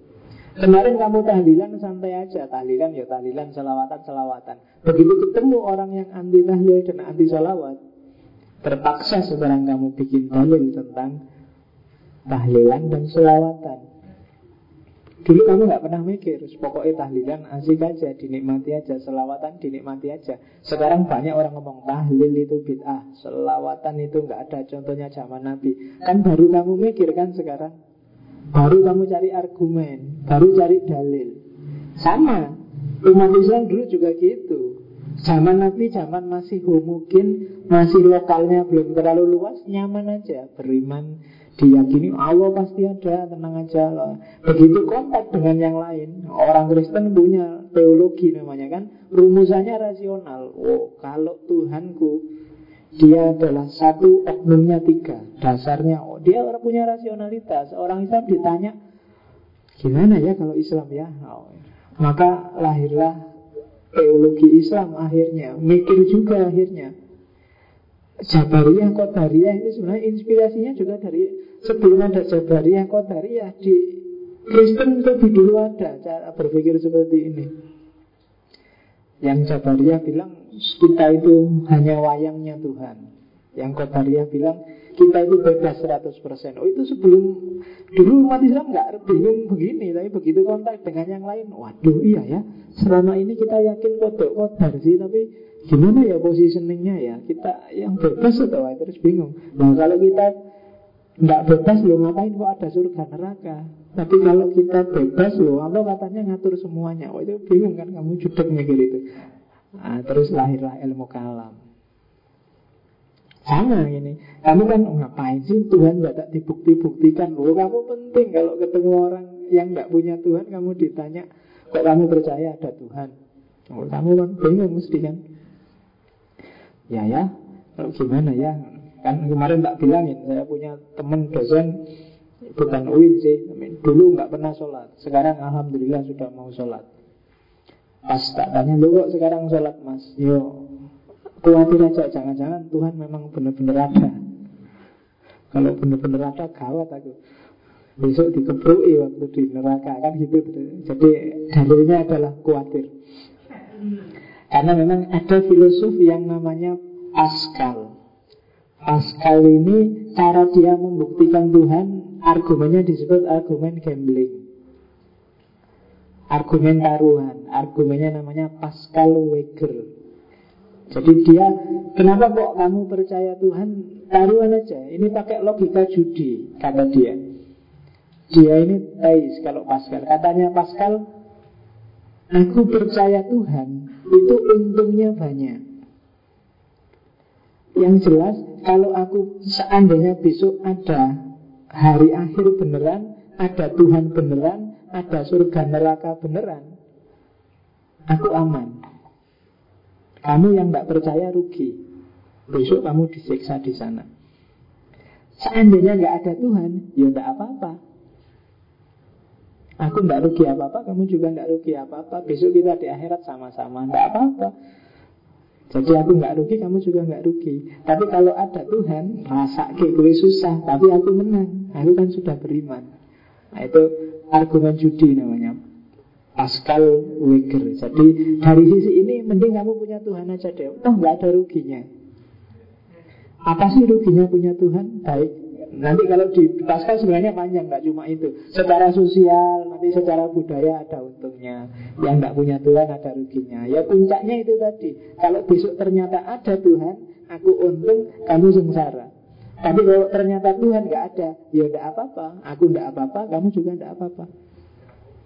Nah, jadi aku rapopo, kowe rapopo. Tapi kalau Tuhan ada, aku rapopo, kowe sengsara. Kamu masuk neraka, kamu disetrika di sana tiap hari. Oke, okay. itu, itu banyak. Nanti akan sampai kita pada sesi ketika ngomong filsafat ketuhanan. Ada banyak sekali Ini sebenarnya cuma salah satu dalil Ada banyak sekali dalil Nanti kita lihat Termasuk kita tunjukkan kelemahan-kelemahannya Yang kayak gini jangan dikira nggak ada kelemahannya loh ya Dalil Jawa itu Cuma nggak usah tak tunjukkan sekarang Nanti kamu pesimis duluan kamu pakai dalil ini dulu lah. Nanti tak tunjukkan celah-celahnya Kelemahannya secara logika Termasuk dalilnya Al-Kindi kemarin. Oke. Filsafat kenabian. Ini sebenarnya mirip kayak filsafat kenabiannya Al-Farabi minggu lalu. Cuma kalau di Farabi tidak ada Itu namanya Al-Hadus Al-Qudus Jadi intuisi suci jadi kan tadi ada namanya akal faal, akal aktif. Nabi adalah orang yang secara mental memang siap dan disiapkan untuk menerima segala pengetahuan dari yang namanya akal faal ini. Sementara kita yang manusia biasa tidak bisa Jalur yang harus kita tempuh adalah lewat upaya sendiri Yang namanya ya jalur hikmah, jalur filsafat itu tadi jadi sebenarnya kebenarannya para nabi, kebenarannya filsafat bisa sama. Hanya saja kalau nanti dia punya keistimewaan dikasih langsung oleh Allah Ya untuk kepentingan kita juga. Karena kalau nunggu manusia sendiri yang nyari Kadang-kadang banyak manusia yang lupa Banyak manusia yang cuek Terpaksa harus ada Nabi. Padahal kita sudah dikasih perangkat Untuk bisa mengakses akal faal tadi. Hanya kita males atau kita sering tertipu maka Allah ngasih bantuan lagi Dikasih kitab suci, dikasih nabi. Dan nabi adalah orang yang di samping secara mental siap Karena memang disiapkan Dia punya sejenis intuisi yang disebut Al-Hadis Al-Quds. Jadi intuisi suci Intuisi suci itu hanya bisa lahir dari orang-orang yang memang suci. Kamu juga punya intuisi sih, cuma intuisimu mungkin nggak bersih. Isinya macam-macam, sehingga kamu tidak bisa menangkap wawasan dari akal faal. Apalagi ya tak bilang tadi dunia pendidikan kita hari ini dari SD sampai SMA bahkan mungkin kuliah menurut saya berhentinya hanya pada akal praktis itu pun paling tinggi. Jarang orang kenal akal teoritis. Jarang orang masuk ke dimensi sains sakra. Itu yang yang oleh saya Hussein Nasr disebut degradasi pengetahuan. Jadi kita level pengetahuannya rendah. Tidak kayak orang dulu. Orang dulu level pengetahuannya lebih tinggi. Sebenarnya gampang membuktikannya. Coba baca peradaban dulu dengan peradaban sekarang. Oke, kapan-kapan kita ngomong itu. Jadi Nabi punya kekuatan mental yang luar biasa dan jangan salah kekuatan mental yang luar biasa inilah yang bisa mempengaruhi dunia fisik. Yang tadi antara ini contohnya kayak di secret. Tapi kalau di napi bentuknya sangat kuat dan sangat ekstrim Sehingga tongkat aja di, bisa jadi ular. Api bisa tidak membakar. Kekuatan mentalnya Yaitu anugerah Allah Sesuai kepentingan yang dia butuhkan. Yang kita sering menyebutnya mukjizat. Kita menyebutnya peristiwa luar biasa karena memang kita tidak pernah mendaya gunakan fasilitas yang diberikan Allah secara maksimal sehingga nyampe ke sana. Itu Ibnu Sina. Jadi potensi-potensi untuk tongkat berubah jadi ular, untuk kamu dibakar tidak mempan itu sebenarnya ada. Cuma hanya kita tidak bisa mendaya gunakan itu ya karena kita nggak nggak terlatih di sana. Kalau para nabi dikasih fasilitas oleh Allah bisa memanfaatkan itu secara maksimal. Para wali kadang-kadang itu dengan karomah-karomahnya. Dan kadang-kadang dalam kondisi kepepet mungkin bisa muncul yang dari kamu. Kadang-kadang ada orang dikejar orang sak kampung bisa meloncat tinggi nyebrang kali misalnya. Itu nggak masuk akal. Oh, bisa ya dia itu. Mungkin kemampuan ini yang tiba-tiba terlontar keluar. Dan ini kan yang sering dimanfaatkan oleh para mentalis para ahli hipnosis, para itu sebenarnya ada kemampuan-kemampuan tersembunyi. Makanya kalau di neuroscience kan dibilang bahwa sebenarnya orang paling jenius pun sebenarnya dia hanya baru memakai 10% kemampuan intelijensinya.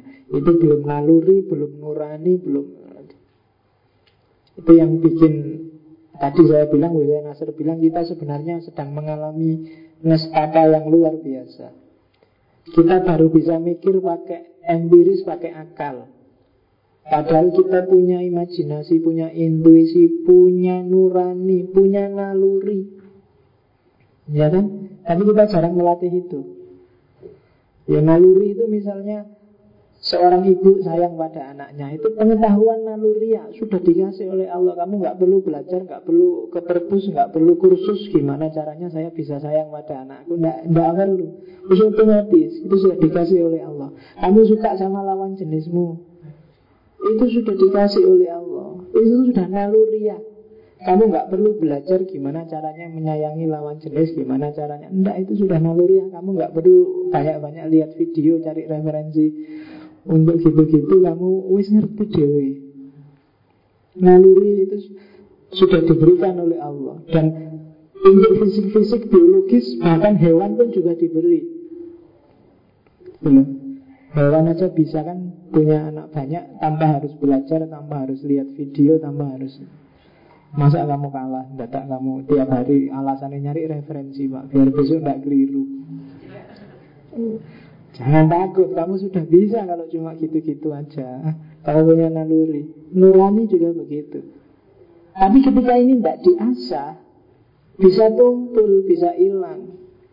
Kalau parameternya cuma akal sama rem empiris, maka kamu jangan kaget kalau Lu kok ada ibu bunuh anaknya sendiri TV kan, di TV kan banyak Lu karena memang kadang-kadang pakai akal juga Ini anak sudah ngabisin uang nakal, cerewet, nyusahin orang tua, tak banting bisa kamu iya kan?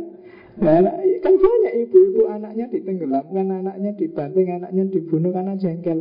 Karena mungkin kalkulasinya empiris, nalurinya tumpul, nuraninya apalagi. Kenapa tumpul? Nggak pernah digarap. Indonesia hari ini juga begitu mungkin.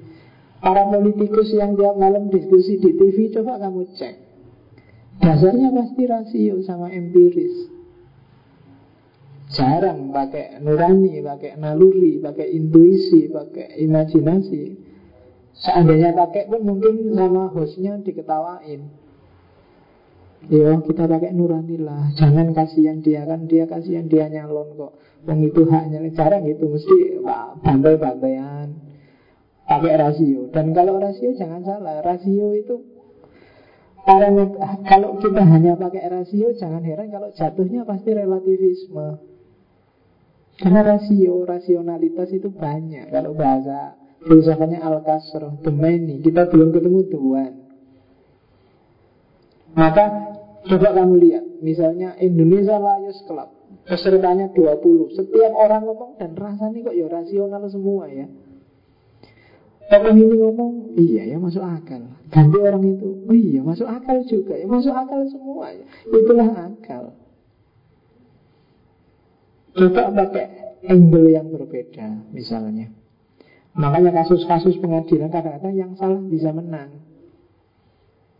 Yang keliru bisa sukses Kenapa? Akal. Jangan berhenti di situ. Kalau maka para filosof zaman dulu jarang pakai istilah akal Tapi biasanya pakai istilah intelijensi. Tidak dalam definisi rasio. Oke Itulah filsafat kenabiannya Ibnu Sina. Nah, sekarang ngomong jiwa. Ibnu Sina punya teori yang khas yang beda sama filosof yang lain bahwa jiwa sama tubuh itu dua hal yang berbeda. Jasmani itu hanya kendaraan. Esensinya adalah jiwa, ruhnya. Nah, dan jiwa itu isinya tiga Ada daya nabati Ada daya hewani Ada daya insani Jadi dirimu sebagai manusia Itu punya tiga daya ini Esensi kemanusiaan kita Jadi kalau ada orang bilang Bahwa kamu yang manusiawi Manusiawi berarti berpihak pada tiga daya itu Yaitu daya nabati, daya hewani, daya insani. Kalau daya nabati itu isinya tiga, makan, tumbuh, berkembang. Persis kayak tumbuh-tumbuhan. Kamu merasa butuh makan tiap hari Kamu merasa ingin tumbuh, ingin berkembang biak Ingin punya istri, ingin punya anak Ingin kawin dan seterusnya Itu daya nabati Jangan dibunuh. Itu kalau nggak ada ini kita nggak bisa hidup juga. Jadi daya tumbuh-tumbuhan. Cuma jangan berhenti di situ. Kalau kamu tiap hari hanya mikir gimana caranya makan, malam ini makan di warung mana, besok pagi mikir makan di warung mana lagi. Nah, kalau tiap hari yang kamu pikir itu berarti jiwamu berhenti di daya nabati saja. Kamu harus naik kelas dikit. Kalau kamu cenderung malas itu biasanya juga ada di nabati. Kenapa ya aku malas itu biasanya daya insani sama daya hewaninya agak mati. Yang kamu pikir cuma gimana caranya seneng-seneng Gak usah gerak-gerak, gak usah berusaha ngapa-ngapain. Yang penting bisa makan, bisa tumbuh, bisa hidup, bisa kawin, punya anak banyak. Nanti anaknya kawin lagi, punya anak lagi, dan seterusnya. Itu daya nabati. Di atas daya nabati ada daya hewani. Kalau sudah hewan, sudah ada gerak. Sudah punya insting yang mengetahui. Mengetahui itu insting Sudah mulai Kalau tumbuhan itu kan tidak berdaya Kalau sudah di situ ya di situ. Kalau hewan enggak Sudah mulai ngerti Oh milih tempat yang teduh Milih yang tidak panas Milih yang tidak bahaya Itu hewan. Naluri insting itu jadi senjatanya. Ingin enak, menghindari susah Itu daya hewani. Nah kalau levelmu naik dikit dari daya nabati Ya daya hewani Jadi sudah mulai ada gerak Cuma geraknya juga dalam rangka Cari seneng sendiri Gimana? Ya makanya Nafsu itu biasanya adanya di hewan Ingin seneng hasrat, ambisi Itu daya di ruhmu ada, dalam jiwamu ada kekuatan ini. Harus hidup, jangan dibunuh, tapi dikendalikan. Dan yang ketiga, daya insani. Akal teoritis, akal praktis yang tadi. Puncaknya adalah daya insani. Yang harus nyetir, yang harus jadi jantungnya adalah daya insani. Baik di level akal praktis maupun di level akal teoritis. Di sinilah nanti ketika sampai ngomong jiwa Ibnu Sina geser masuk ke dunia yang cenderung sufistik dari sinilah nanti diawali lahirnya filsafat masyrikiyah Kita lihat dulu. Kenapa kok bisa ke sana? Kita lihat karakternya. Kalau tadi yang dayanya. Kayak gimana sih sifatnya jiwa? Yang jelas jiwa berbeda dengan jasmani. Dengan tubuh. Jiwa, roh itu independen. Kalau tubuh bisa habis, bisa musnah, kalau jiwa enggak. Oke. Kenapa sih kok jiwa, roh itu menetap dalam tubuh, roh itu bertempat dalam tubuh dalam rangka menyempurnakan dirinya. Jadi dalam rangka menemukan tujuan finalnya. Jadi dia membawa misi, membawa misi menyucikan dirinya untuk pada akhirnya bisa bersatu dengan sumbernya. Sumbernya yaitu Tuhan. Jadi jiwa yang ada dalam dirimu itu dia punya misi, dia punya tugas. Jangan dilupakan. Kamu jangan terpesona. Misimu di dunia ini adalah menyucikan jiwa biar nanti bisa kembali lagi ke Tuhan, kembali lagi ke asalnya. Kasihan dia sekarang terpenjara oleh jasmanimu, oleh tubuhmu, oleh badanmu. Jadi sekali-sekali kamu ajak dialog dirimu Kalau nanti di kamar kamu lihat di kaca Terus ngobrol Ini yang ada di kaca ini kan cuma tubuhnya. Yang di belakang ini ada jiwanya. Dia punya misi. Sekarang kayak gimana ya kondisi ya, Roh yang ada dalam diriku ini? Tingkat kebersihannya seperti Itu kalau dalam agama disebut Muhasabah. Sekali-sekali lah harus kamu lakukan Jangan nonton sepak bola terus. Oke. Okay. Ya. Ya, jagomu nanti malam siapa? Chelsea melawan Atletico.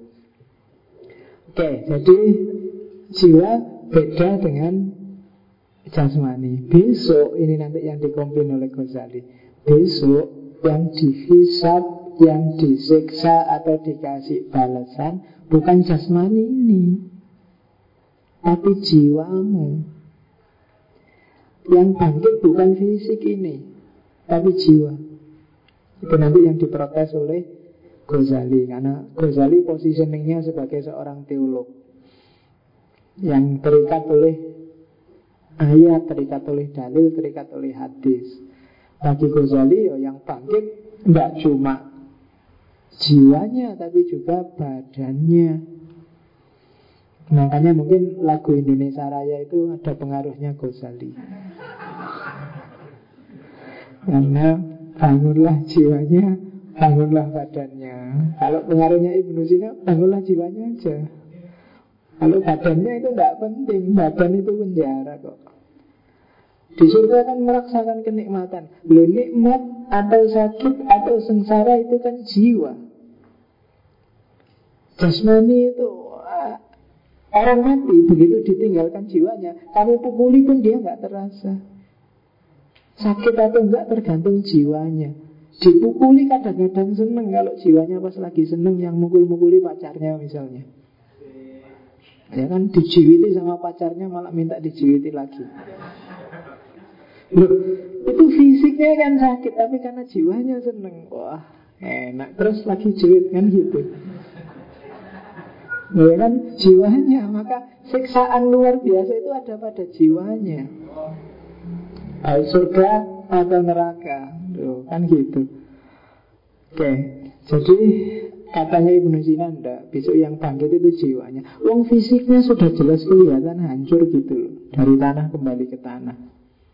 Kalau di Ghazali lo besok dibikinkan fisik lagi. Jawabannya Ibnu Rusun oh ya kalau dipikirkan fisik lagi nanti tidak adil dong. Wong yang jahat kan fisik yang dulu Yang disiksa fisik yang sekarang. Kasihan fisik yang sekarang. Nah, ya Itu debatnya para filosof. Cuma ya sayangnya waktu Ghazali ngeritik Ibnu Sina Ibnu Sina sudah nggak ada. Waktu Ibnu Rus jawab Ghazali Ghazali juga sudah nggak ada. Tapi ya nggak apa-apa. Harusnya kamu yang generasi sekarang jawab. Ghazali bikin tahafut falasifah Ibn Rus bikin tahafud, tahafud Nah kamu bikin lagi sekarang tahafud, tahafud, tahafud Nah itu Besok bikin lagi nah, Itu kan dialektika Polemik kayak gitu mencerdaskan Tidak apa-apa Oke Ya, jadi bahagia atau sengsara itu ada di jiwa. Karena jiwa ini esensi, bukan form. Kalau pakai Aristoteles sebenarnya jiwa itu form. Dia sangat terkait dengan tubuh, tapi enggak. Tubuh itu kalau di Indonesia cuma kendaraannya. Kamu mengendarai jiwamu untuk ketemu dengan Tuhan. Gambarnya seperti ini. Ini nanti belanya falsafatul masyrik. Jadi penciptaan itu modelnya emanasi terus sampai akal ke-10 yang hitam itu ke bawah. Nah, dari akal ke-10 akan lahir manusia dan manusia punya jiwa manusia, jiwa hewan, jiwa tumbuhan. Dan kita kami harus melakukan purifikasi naik ke atas. Misi kita di dunia itu melampaui jiwa tumbuhan, jiwa hewan, memuncak di jiwa manusia dari jiwa manusia kita bersihkan sehingga ketemu akal faal dan dari akal faal itulah kita akan bisa ketemu Tuhan polanya seperti itu ini nanti yang jadi or inti teorinya falsafatul masyrik yang mulai agak masuk ke teosofi yang dikenal dengan filsafat timur di Ibnu Sina. Nah, Gimana cara membersihkan jiwa kemudian? Caramu melakukan purifikasi. Nah, itu baru masuk filsafat masyiknya. Ini agak agak sufi. Ya katanya Ibnu Sina, purifikasi itu ada tiga level. Pertama level zahid, kedua level abid, yang ketiga level arif. Zahid itu berarti suhud, menghindar dari dunia, tidak terikat oleh dunia. Level kedua level abid berarti kita mengisi aktivitas sehari-hari dengan ibadah dengan mendekatkan diri pada Allah dan puncaknya adalah level arif. Kalau di level arif ini kita sudah makrifat. Sudah ketemu dengan hakikat. Sudah ada tiga level. Hari ini harusnya kita mulai latihan untuk zuhud meskipun berat. Kamu boleh butuh rokok tapi jangan terikat dengan rokok. Saya punya pengalaman khas tentang ini karena ada beberapa di tempat saya itu banyak kiai yang diwalikan. Jadi satu ketika saya pernah berkunjung salah seorang kiai yang dianggap wali cuma beliau ini ngerokok terus Ya karena banyak tamunya yo saya di aja saya minta lagi Pak Yai ngerokok terus padahal banyak yang bilang rokok itu haram. Neng buku saya aja tulisannya ngerokok membahayakan kesehatan, membunuhmu. Nah, terus kelihatannya karena daerah Tok Wali tadi ngerti aku cuma dan dia komentar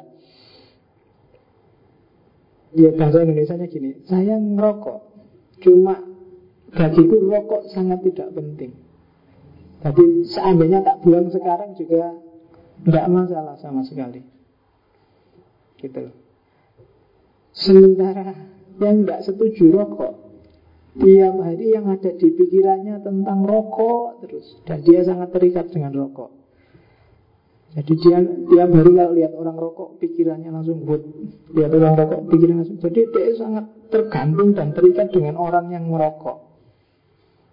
Nah itu itu bedanya dan tak pikir-pikir bahwa itu kan kayak ceritanya Jalaluddin Rumi sama seorang sufi temennya. Jadi Jalaluddin Rumi itu satu ketika mengunjungi temennya yang sufi yang rumahnya di pinggir pantai kerjaannya nelayan. Rumahnya cuma gubuk kecil tidak ada tiap hari hanya makan tulang-tulangnya ikan. Sama Jalaluddin Rumi kamu kok uripe sengsara men? Ayo ikut saya ke rumah. Di rumahnya Jalaluddin Rumi itu dia kaya raya karena Jalaluddin Rumi yang kaya raya Terus dikasih makanannya enak-enak Akhirnya dia nesu sufinya Kamu itu katanya sufi kok hidup penuh gelimang dunia seperti ini Jawabannya Jalaluddin Rumi Aku hidup seperti ini tapi di pikiranku tidak ada sedikit pun dari barang-barangku ini. Sementara kamu yang tiap hari makan tulangnya ikan memimpikan barang-barang yang ada di pikiranmu hanya barang-barangku yang seperti ini. Jadi itu kan apa kan sampai level itu. Jadi kamu punya segalanya tapi nggak ada sedikit pun yang mengikatmu. Seandainya detik ini hilang semua, kamu nggak kaget, ya nggak nangis, ya itu namanya nggak terikat. Itu ya kamu harus latihan. Dimulai dari yang gampang-gampang dulu, baru yang susah-susah. Kan banyak sekarang kamu keterikatan dengan sangat banyak hal. Oke, itu level zahid. Baru abid. Kalau sudah nggak terikat dengan apa pun, maka semua aktivitasmu jadi ibadah. Ibadah itu berarti semua aktivitasmu harinya mengarah pada Allah. Sekolah, kuliah, ngaji, makan, jalan-jalan itu orientasinya ke atas semua. Kalau orientasinya ke atas, pasti terarah. Jangan khawatir. Dan puncaknya adalah ma'rifat. Kalau kamu selalu kontak sama yang di atas, otomatis kamu akan makrifat, kamu akan kenal siapa yang di atas itu. Itu nanti levelnya namanya makrifat. Oke, dan terminal pertamanya untuk jadi orang arif itu adalah muridin, jadi murid dulu. Dengan segala logikanya. Metodenya dua, nanti itu kamu baca aja di suwi-suwi banyak ibadah dan tafakur. Puncaknya disebut kalau kamu sudah ketemu kebenaran, kalau istilahnya Ibnu Sina adalah akwatan. Akwatan itu apa pengalaman melihat cahaya.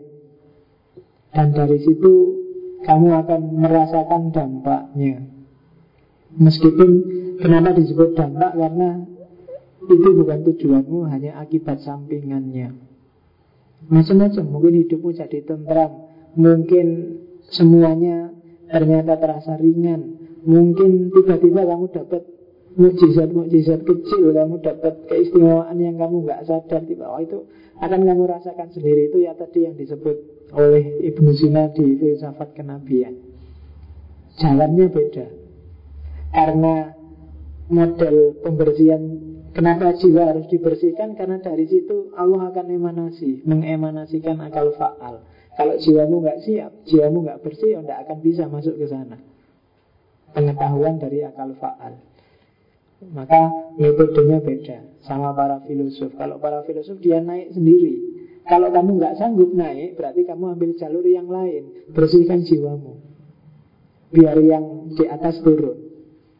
Kalau para filosof levelnya Ibnu Sina gampang karena dia kapasitasnya nyampe maka dia mencapai makrifat dengan akalnya. Kalau kita kan agak berat. Nah, caranya Ibnu Sina pakai jalur kedua, pembersihan jiwa. Bersihkan jiwamu. Kalau dua-duanya nggak bisa, ya kita berdoa aja semoga bisa. Lu iyalah karena tidak akan bisa kembali ke Allah kecuali An-nafas al-mutmainnah Dan jalannya di sini. Oke Dan itulah nanti jadi cikal bakal namanya Al-hikmah al-masyurikiyah Filsafat timur Hikmah timur. Dari rasional ke spiritual. Dan itu nanti akan memicu lahirnya Generasi baru Pelanjutnya. Filsafat peripatetik Yang dikenal filsafat iluminatif Itu gelombang kedua dalam dunia filsafat Islam. Yang kita pelajari hari ini masih gelombang pertama Namanya peripatetik. Ibnu Sina sendiri pernah nulis buku yang judulnya Mantik al-Masyrikiyin. Jadi mantiknya orang-orang yang tercerahkan Kenapa sih pakai istilah timur? Karena timur adalah simbol dari cahaya. Dan barat adalah simbol dari kegelapan. Maka keliru kalau kiblatmu itu barat. Loh iya Timur itu kan matahari terbit dari timur. Munculnya cahaya itu di timur Dan tenggelamnya cahaya di barat. Barat adalah simbol dimulainya kegelapan. Nah, maka sebenarnya kita hari ini kebalik Lah kok timur kiblatnya barat? Harusnya barat yang kiblatnya timur karena cahaya ada di timur. Karena kiblat kita barat, maka kita juga ikut gelap hari ini. Dan kenapa kok kita badak nyari kiblat barat? Karena ternyata kita sedang kehilangan cahaya. Padahal cahaya itu ada di tempat kita. Kenapa kita kehilangan cahaya? Karena kita sering membutakan diri sendiri. Banyak jalan yang bikin kita membutakan diri sendiri. Banyak hal yang bikin kita membutakan diri sendiri. Dan Nabi kan sudah lama wati-wati. Hati-hati, al-Islam mahjubun bil muslimin. Islam itu cahaya, tapi cahaya itu sering teralingi, tertutup oleh orang Islam sendiri. Maka jadilah cahaya, karena kamu sumber cahaya. Nah kok kamu yang bercahaya malah sekarang kiblatnya ke barat. Dan itu sudah diwanti-wanti sebenarnya oleh Ibnu Sina dalam Mantek al-Masyriqiyin. Ya, ada tiga dongeng yang mau saya sampaikan ber berkenaan dengan filsafat timur ini karena Ibnu Sina nulis tiga nulis empat buku sebenarnya yang satu risalah fil ish risalah tentang cinta ini sebenarnya kayak buku sufi. Cuma yang mau saya bahas tiga novelnya. Dia nulis tiga novel trilogi yang kalau orang ngomong filsafat timur biasanya yang diceritain tiga novel ini. Yang pertama judulnya Hai bin Yakben Yang kedua Risalatut Tair Dan yang ketiga Salman wa Absal Tulisan trilogi novelnya Ibnu Sina ini nanti diadaptasi Tiga-tiganya oleh Ibnu Tufel dan dikasih judul Hai bin Yakben Sebenarnya isinya sama, mirip-mirip yang Haibin Yakubun yang Ibnu Tufel itu bisa kamu cari di toko-toko buku banyak. Sebenarnya itu yang mula-mula ngomong tentang Haibin Yakubun itu adalah Ibnu Sina. Kalau diterjemah Hai itu artinya hidup, Yakubun itu artinya bangun. Jadi Hai bin Yakubun itu cerita tentang orang yang hidup dan sudah bangun. Sudah sadar karena banyak di antara kita yang hari ini nggak sadar. Kamu nggak ngerti misi hidupmu. Ngapain kok kamu sekarang hidup di dunia ini? Apa yo cuma untuk kuliah, terus kawin, terus cari kerjaan, terus punya anak dan selesai. Dan doamu tiap hari kan itu Ya Allah berilah rezeki Ya Allah berilah jodoh Ya Allah berilah Kamu kok cuma minta itu dok ada yang lebih esensial yang nggak pernah kamu minta. Kamu parameternya mesti fisik. Amal aja kan kamu minta pahala fisik. Sedekah yo Dengan harapan kembali dengan yang lebih besar. Kan mesti ngono kamu. Ukurannya kok gitu. Oke. Hai bin Yakdun. Hai bin Yakdun ini Kalau di Ibnu Sina ceritanya adalah Satu ketika Ibnu Sina dan teman-temannya jalan-jalan di kota.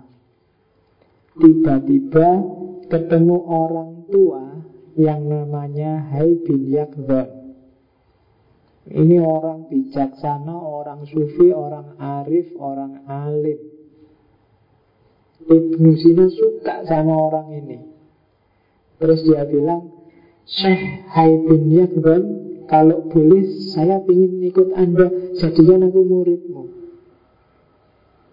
Terus Hai bin Yakun bilang Tidak bisa Mustahil kamu bisa ikut saya Karena Kamu kan tidak mungkin tinggal teman-temanmu Karena itu kan sedang jalan-jalan di kota dengan teman-temannya Dan ini sebenarnya kisah analogis, alegoris yang luar biasa Jadi kalau di situ membacanya harus agak jeli.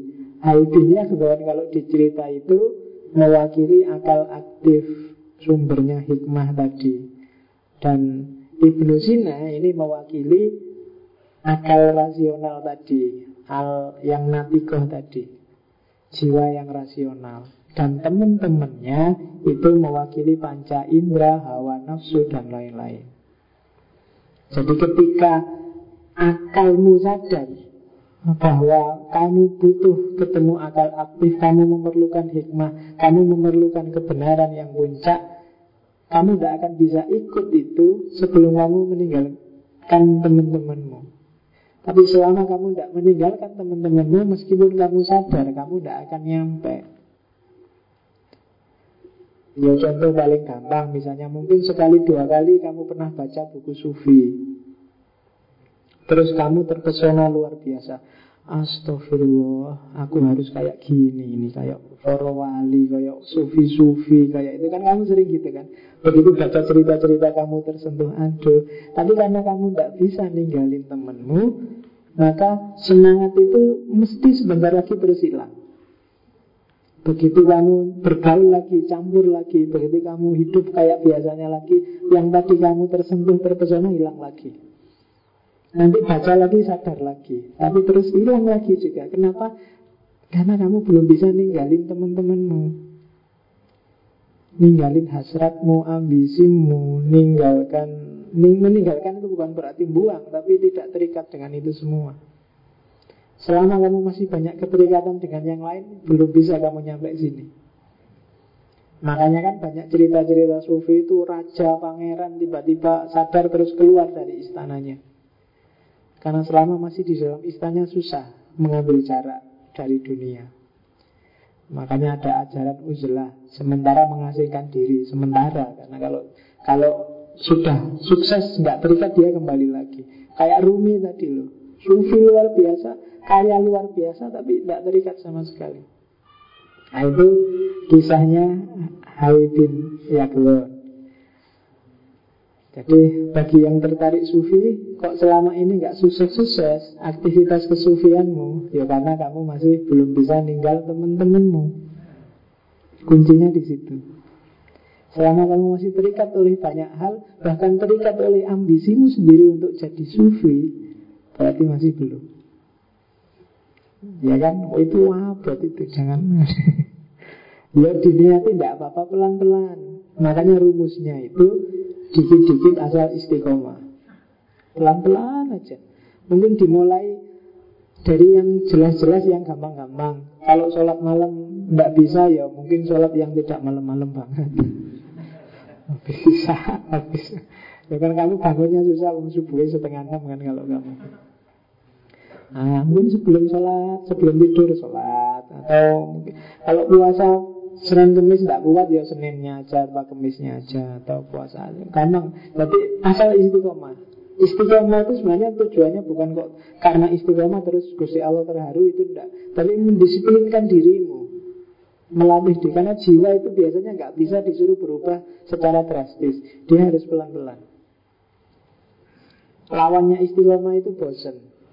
Melawan rasa bosan itu jihadmu sebenarnya. Biasanya kalau awal-awal itu semangat kamu lagi panas-panasnya gitu kamu bisa sehari ada Tuhannya, ada tahajudnya, ada ngajinya. Eh, begitu lagi kumat asli ini metu ya wis. Ngaji aja bisa sebulan sekali. Paling rajin ini nek Ramadan dok. Dulu Ramadan bisa datang tiga kali, sekarang sekali aja nggak mesti.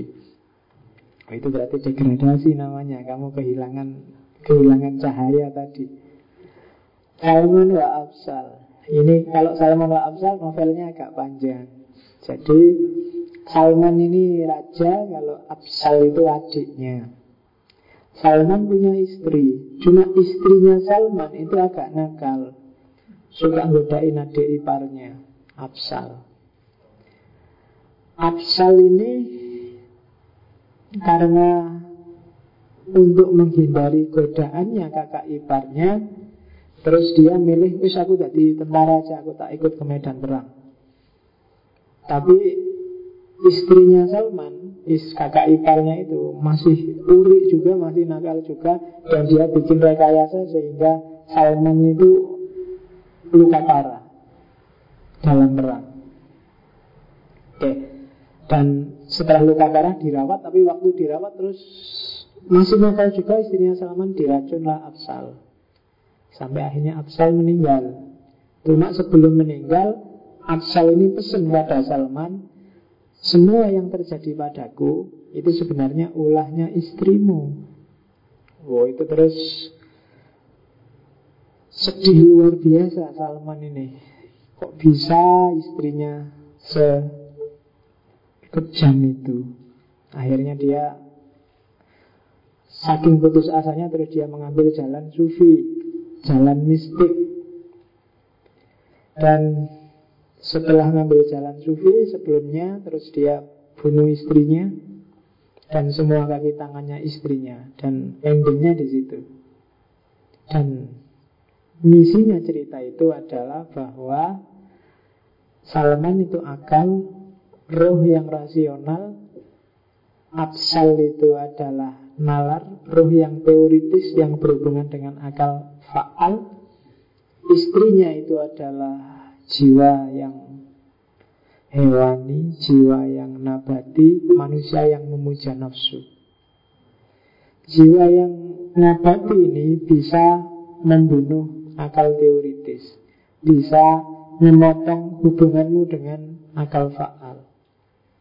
Dan kalau hubunganmu dengan akal faal terpotong, mungkin kamu pinter karena masih ada Salman, mungkin kamu cerdas, kamu punya banyak pengetahuan, tapi kehilangan cahaya.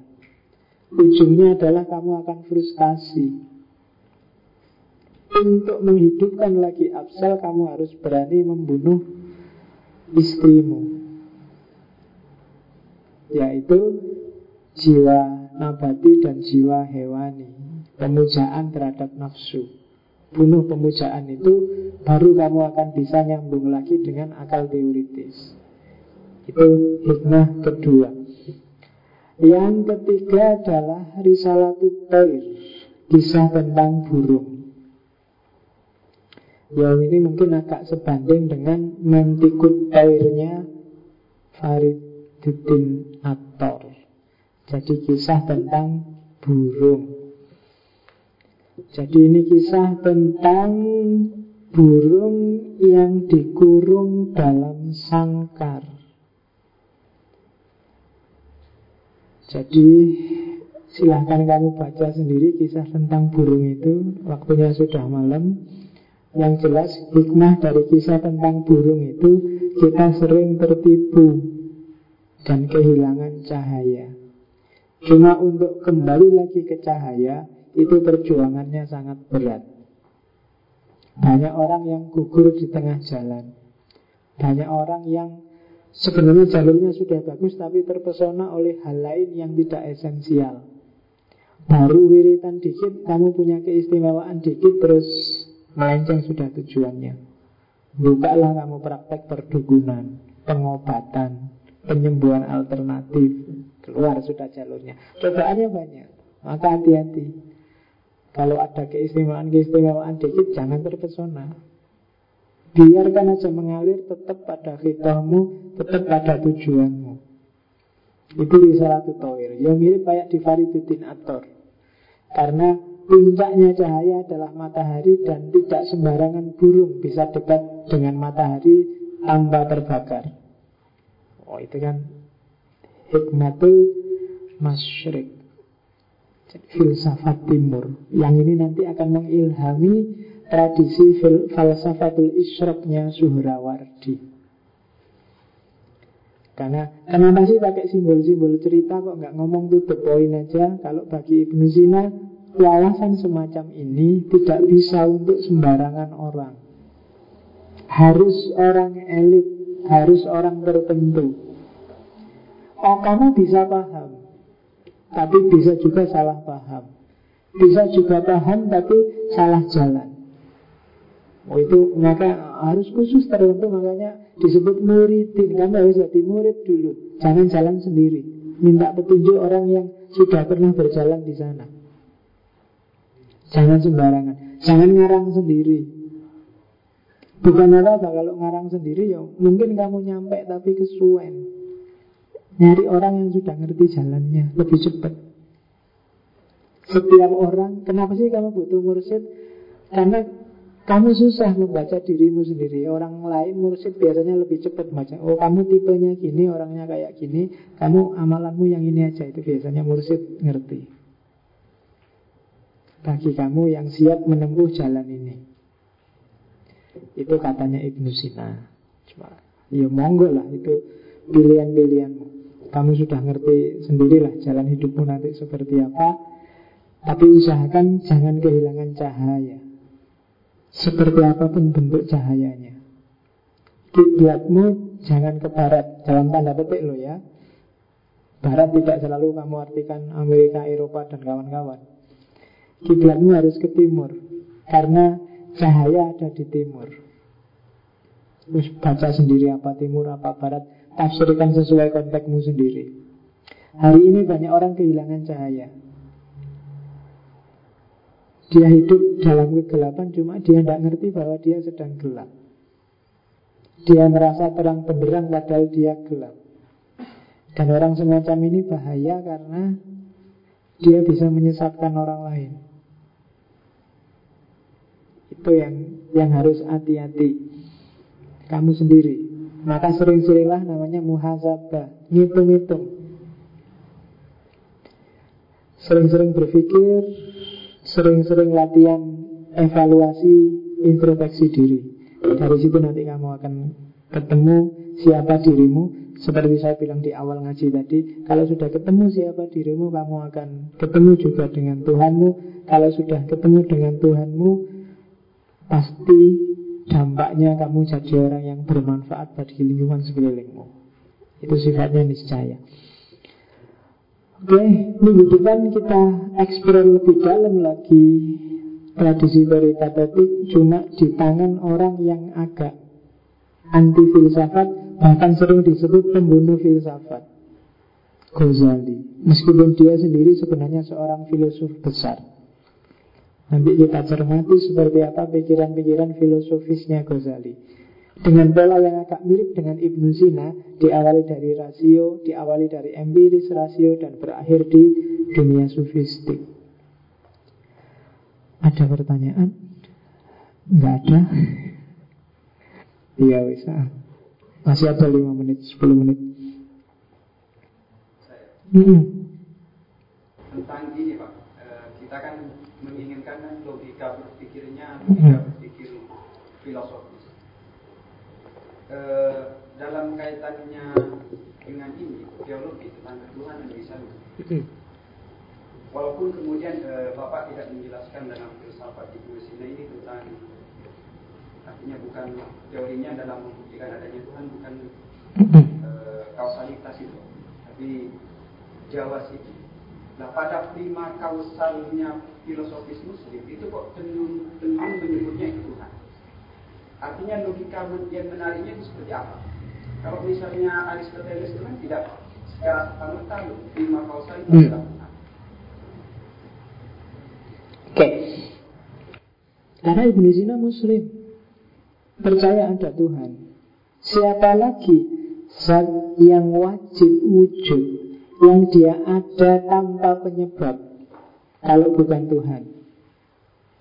Kalau kamu sebut bahwa itu bukan Tuhan Sementara kamu percaya bahwa ada Tuhan Maka yang terjadi dua hal. Ada dua Tuhan Maka yuk kesimpulannya jadi musyrik. Karena ini dia pasti kodim Pasti tidak disebabkan oleh apa pun.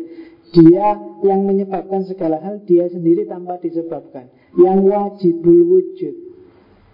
Kalau dia bukan Tuhan berarti ada dua wajibul wujud. Dan itu pasti nabrak dengan keimanannya Ibnu Sina dan para filosof muslim. Maka kesimpulannya dia pasti Tuhan. Di barat pun logika ini dipakai oleh tradisi skolastik untuk membuktikan adanya Tuhan. Aristoteles bukan tidak menyebut Feskos itu Tuhan Cuma Tuhan dalam definisi Aristoteles beda dengan Tuhan dalam definisi kita. Sama kalau di Plato disebut Tuhan. Kalau di Aristoteles saya lupa tapi dia punya sebutan sendiri. Jangan salah, tradisi Yunani itu tradisi yang religius. Plato, Aristoteles tidak termasuk orang yang tidak percaya dengan Tuhan. Cuma yo Nggak mungkin dia ngomong Allah Belum ada Islam zaman itu. Tapi karakter Veskos itu adalah karakternya God Karakternya Tuhan. Dengan istilah yang macam-macam Istilahnya ya beda-beda karena filosof. Filosof itu lebih suka misalnya menyebutnya Ultimate reality Ultimate being. Apa? Kalau Oto itu menyebutnya Set yang menggentarkan bikin takut tapi menyenangkan dan mempesona. Itu kan luar biasa. Ya siapa mana kalau bukan Tuhan yang kayak gitu. Kami menyebutnya sebab pertama yang dia wajib ada, yang jadi sumber bagi semua ada yang lain. Ya siapa lagi kalau bukan Tuhan. Dan seterusnya. Sebenarnya saya bilang tadi ada sih kelemahan logika ini, cuma saya tidak akan ngomong di sesi ketika filsafat Islam. Nanti kita akan ngomong di filsafat ketuhanan. Sudah, karena sudah hujan Atau nunggu terang kamu Terus begini ya Kasihan yang putri-putri Minggu depan kita lihat Apa kritiknya Ghazali pada Ibnu Sina Kalau minggu depan mungkin agak agak bau pengajian Karena Ghazali itu sangat teologis. Jadi kalau ingin jadi filosof yang aman Yang tidak menggoncangkan keimanan Kamu boleh ambil Ghazali. Tapi oh, kurang berani. Dalam tanda petik loh ya. Tapi boleh, tidak apa-apa. Karena jalur teologi itu jalur yang lebih aman Bagi seorang yang beriman. Ya seperti kalau di Rasidi kan Yang terjemahannya buku filsafat agama itu Filsafat itu Di pinggirnya penuh gelombang Tapi di tengahnya tenang.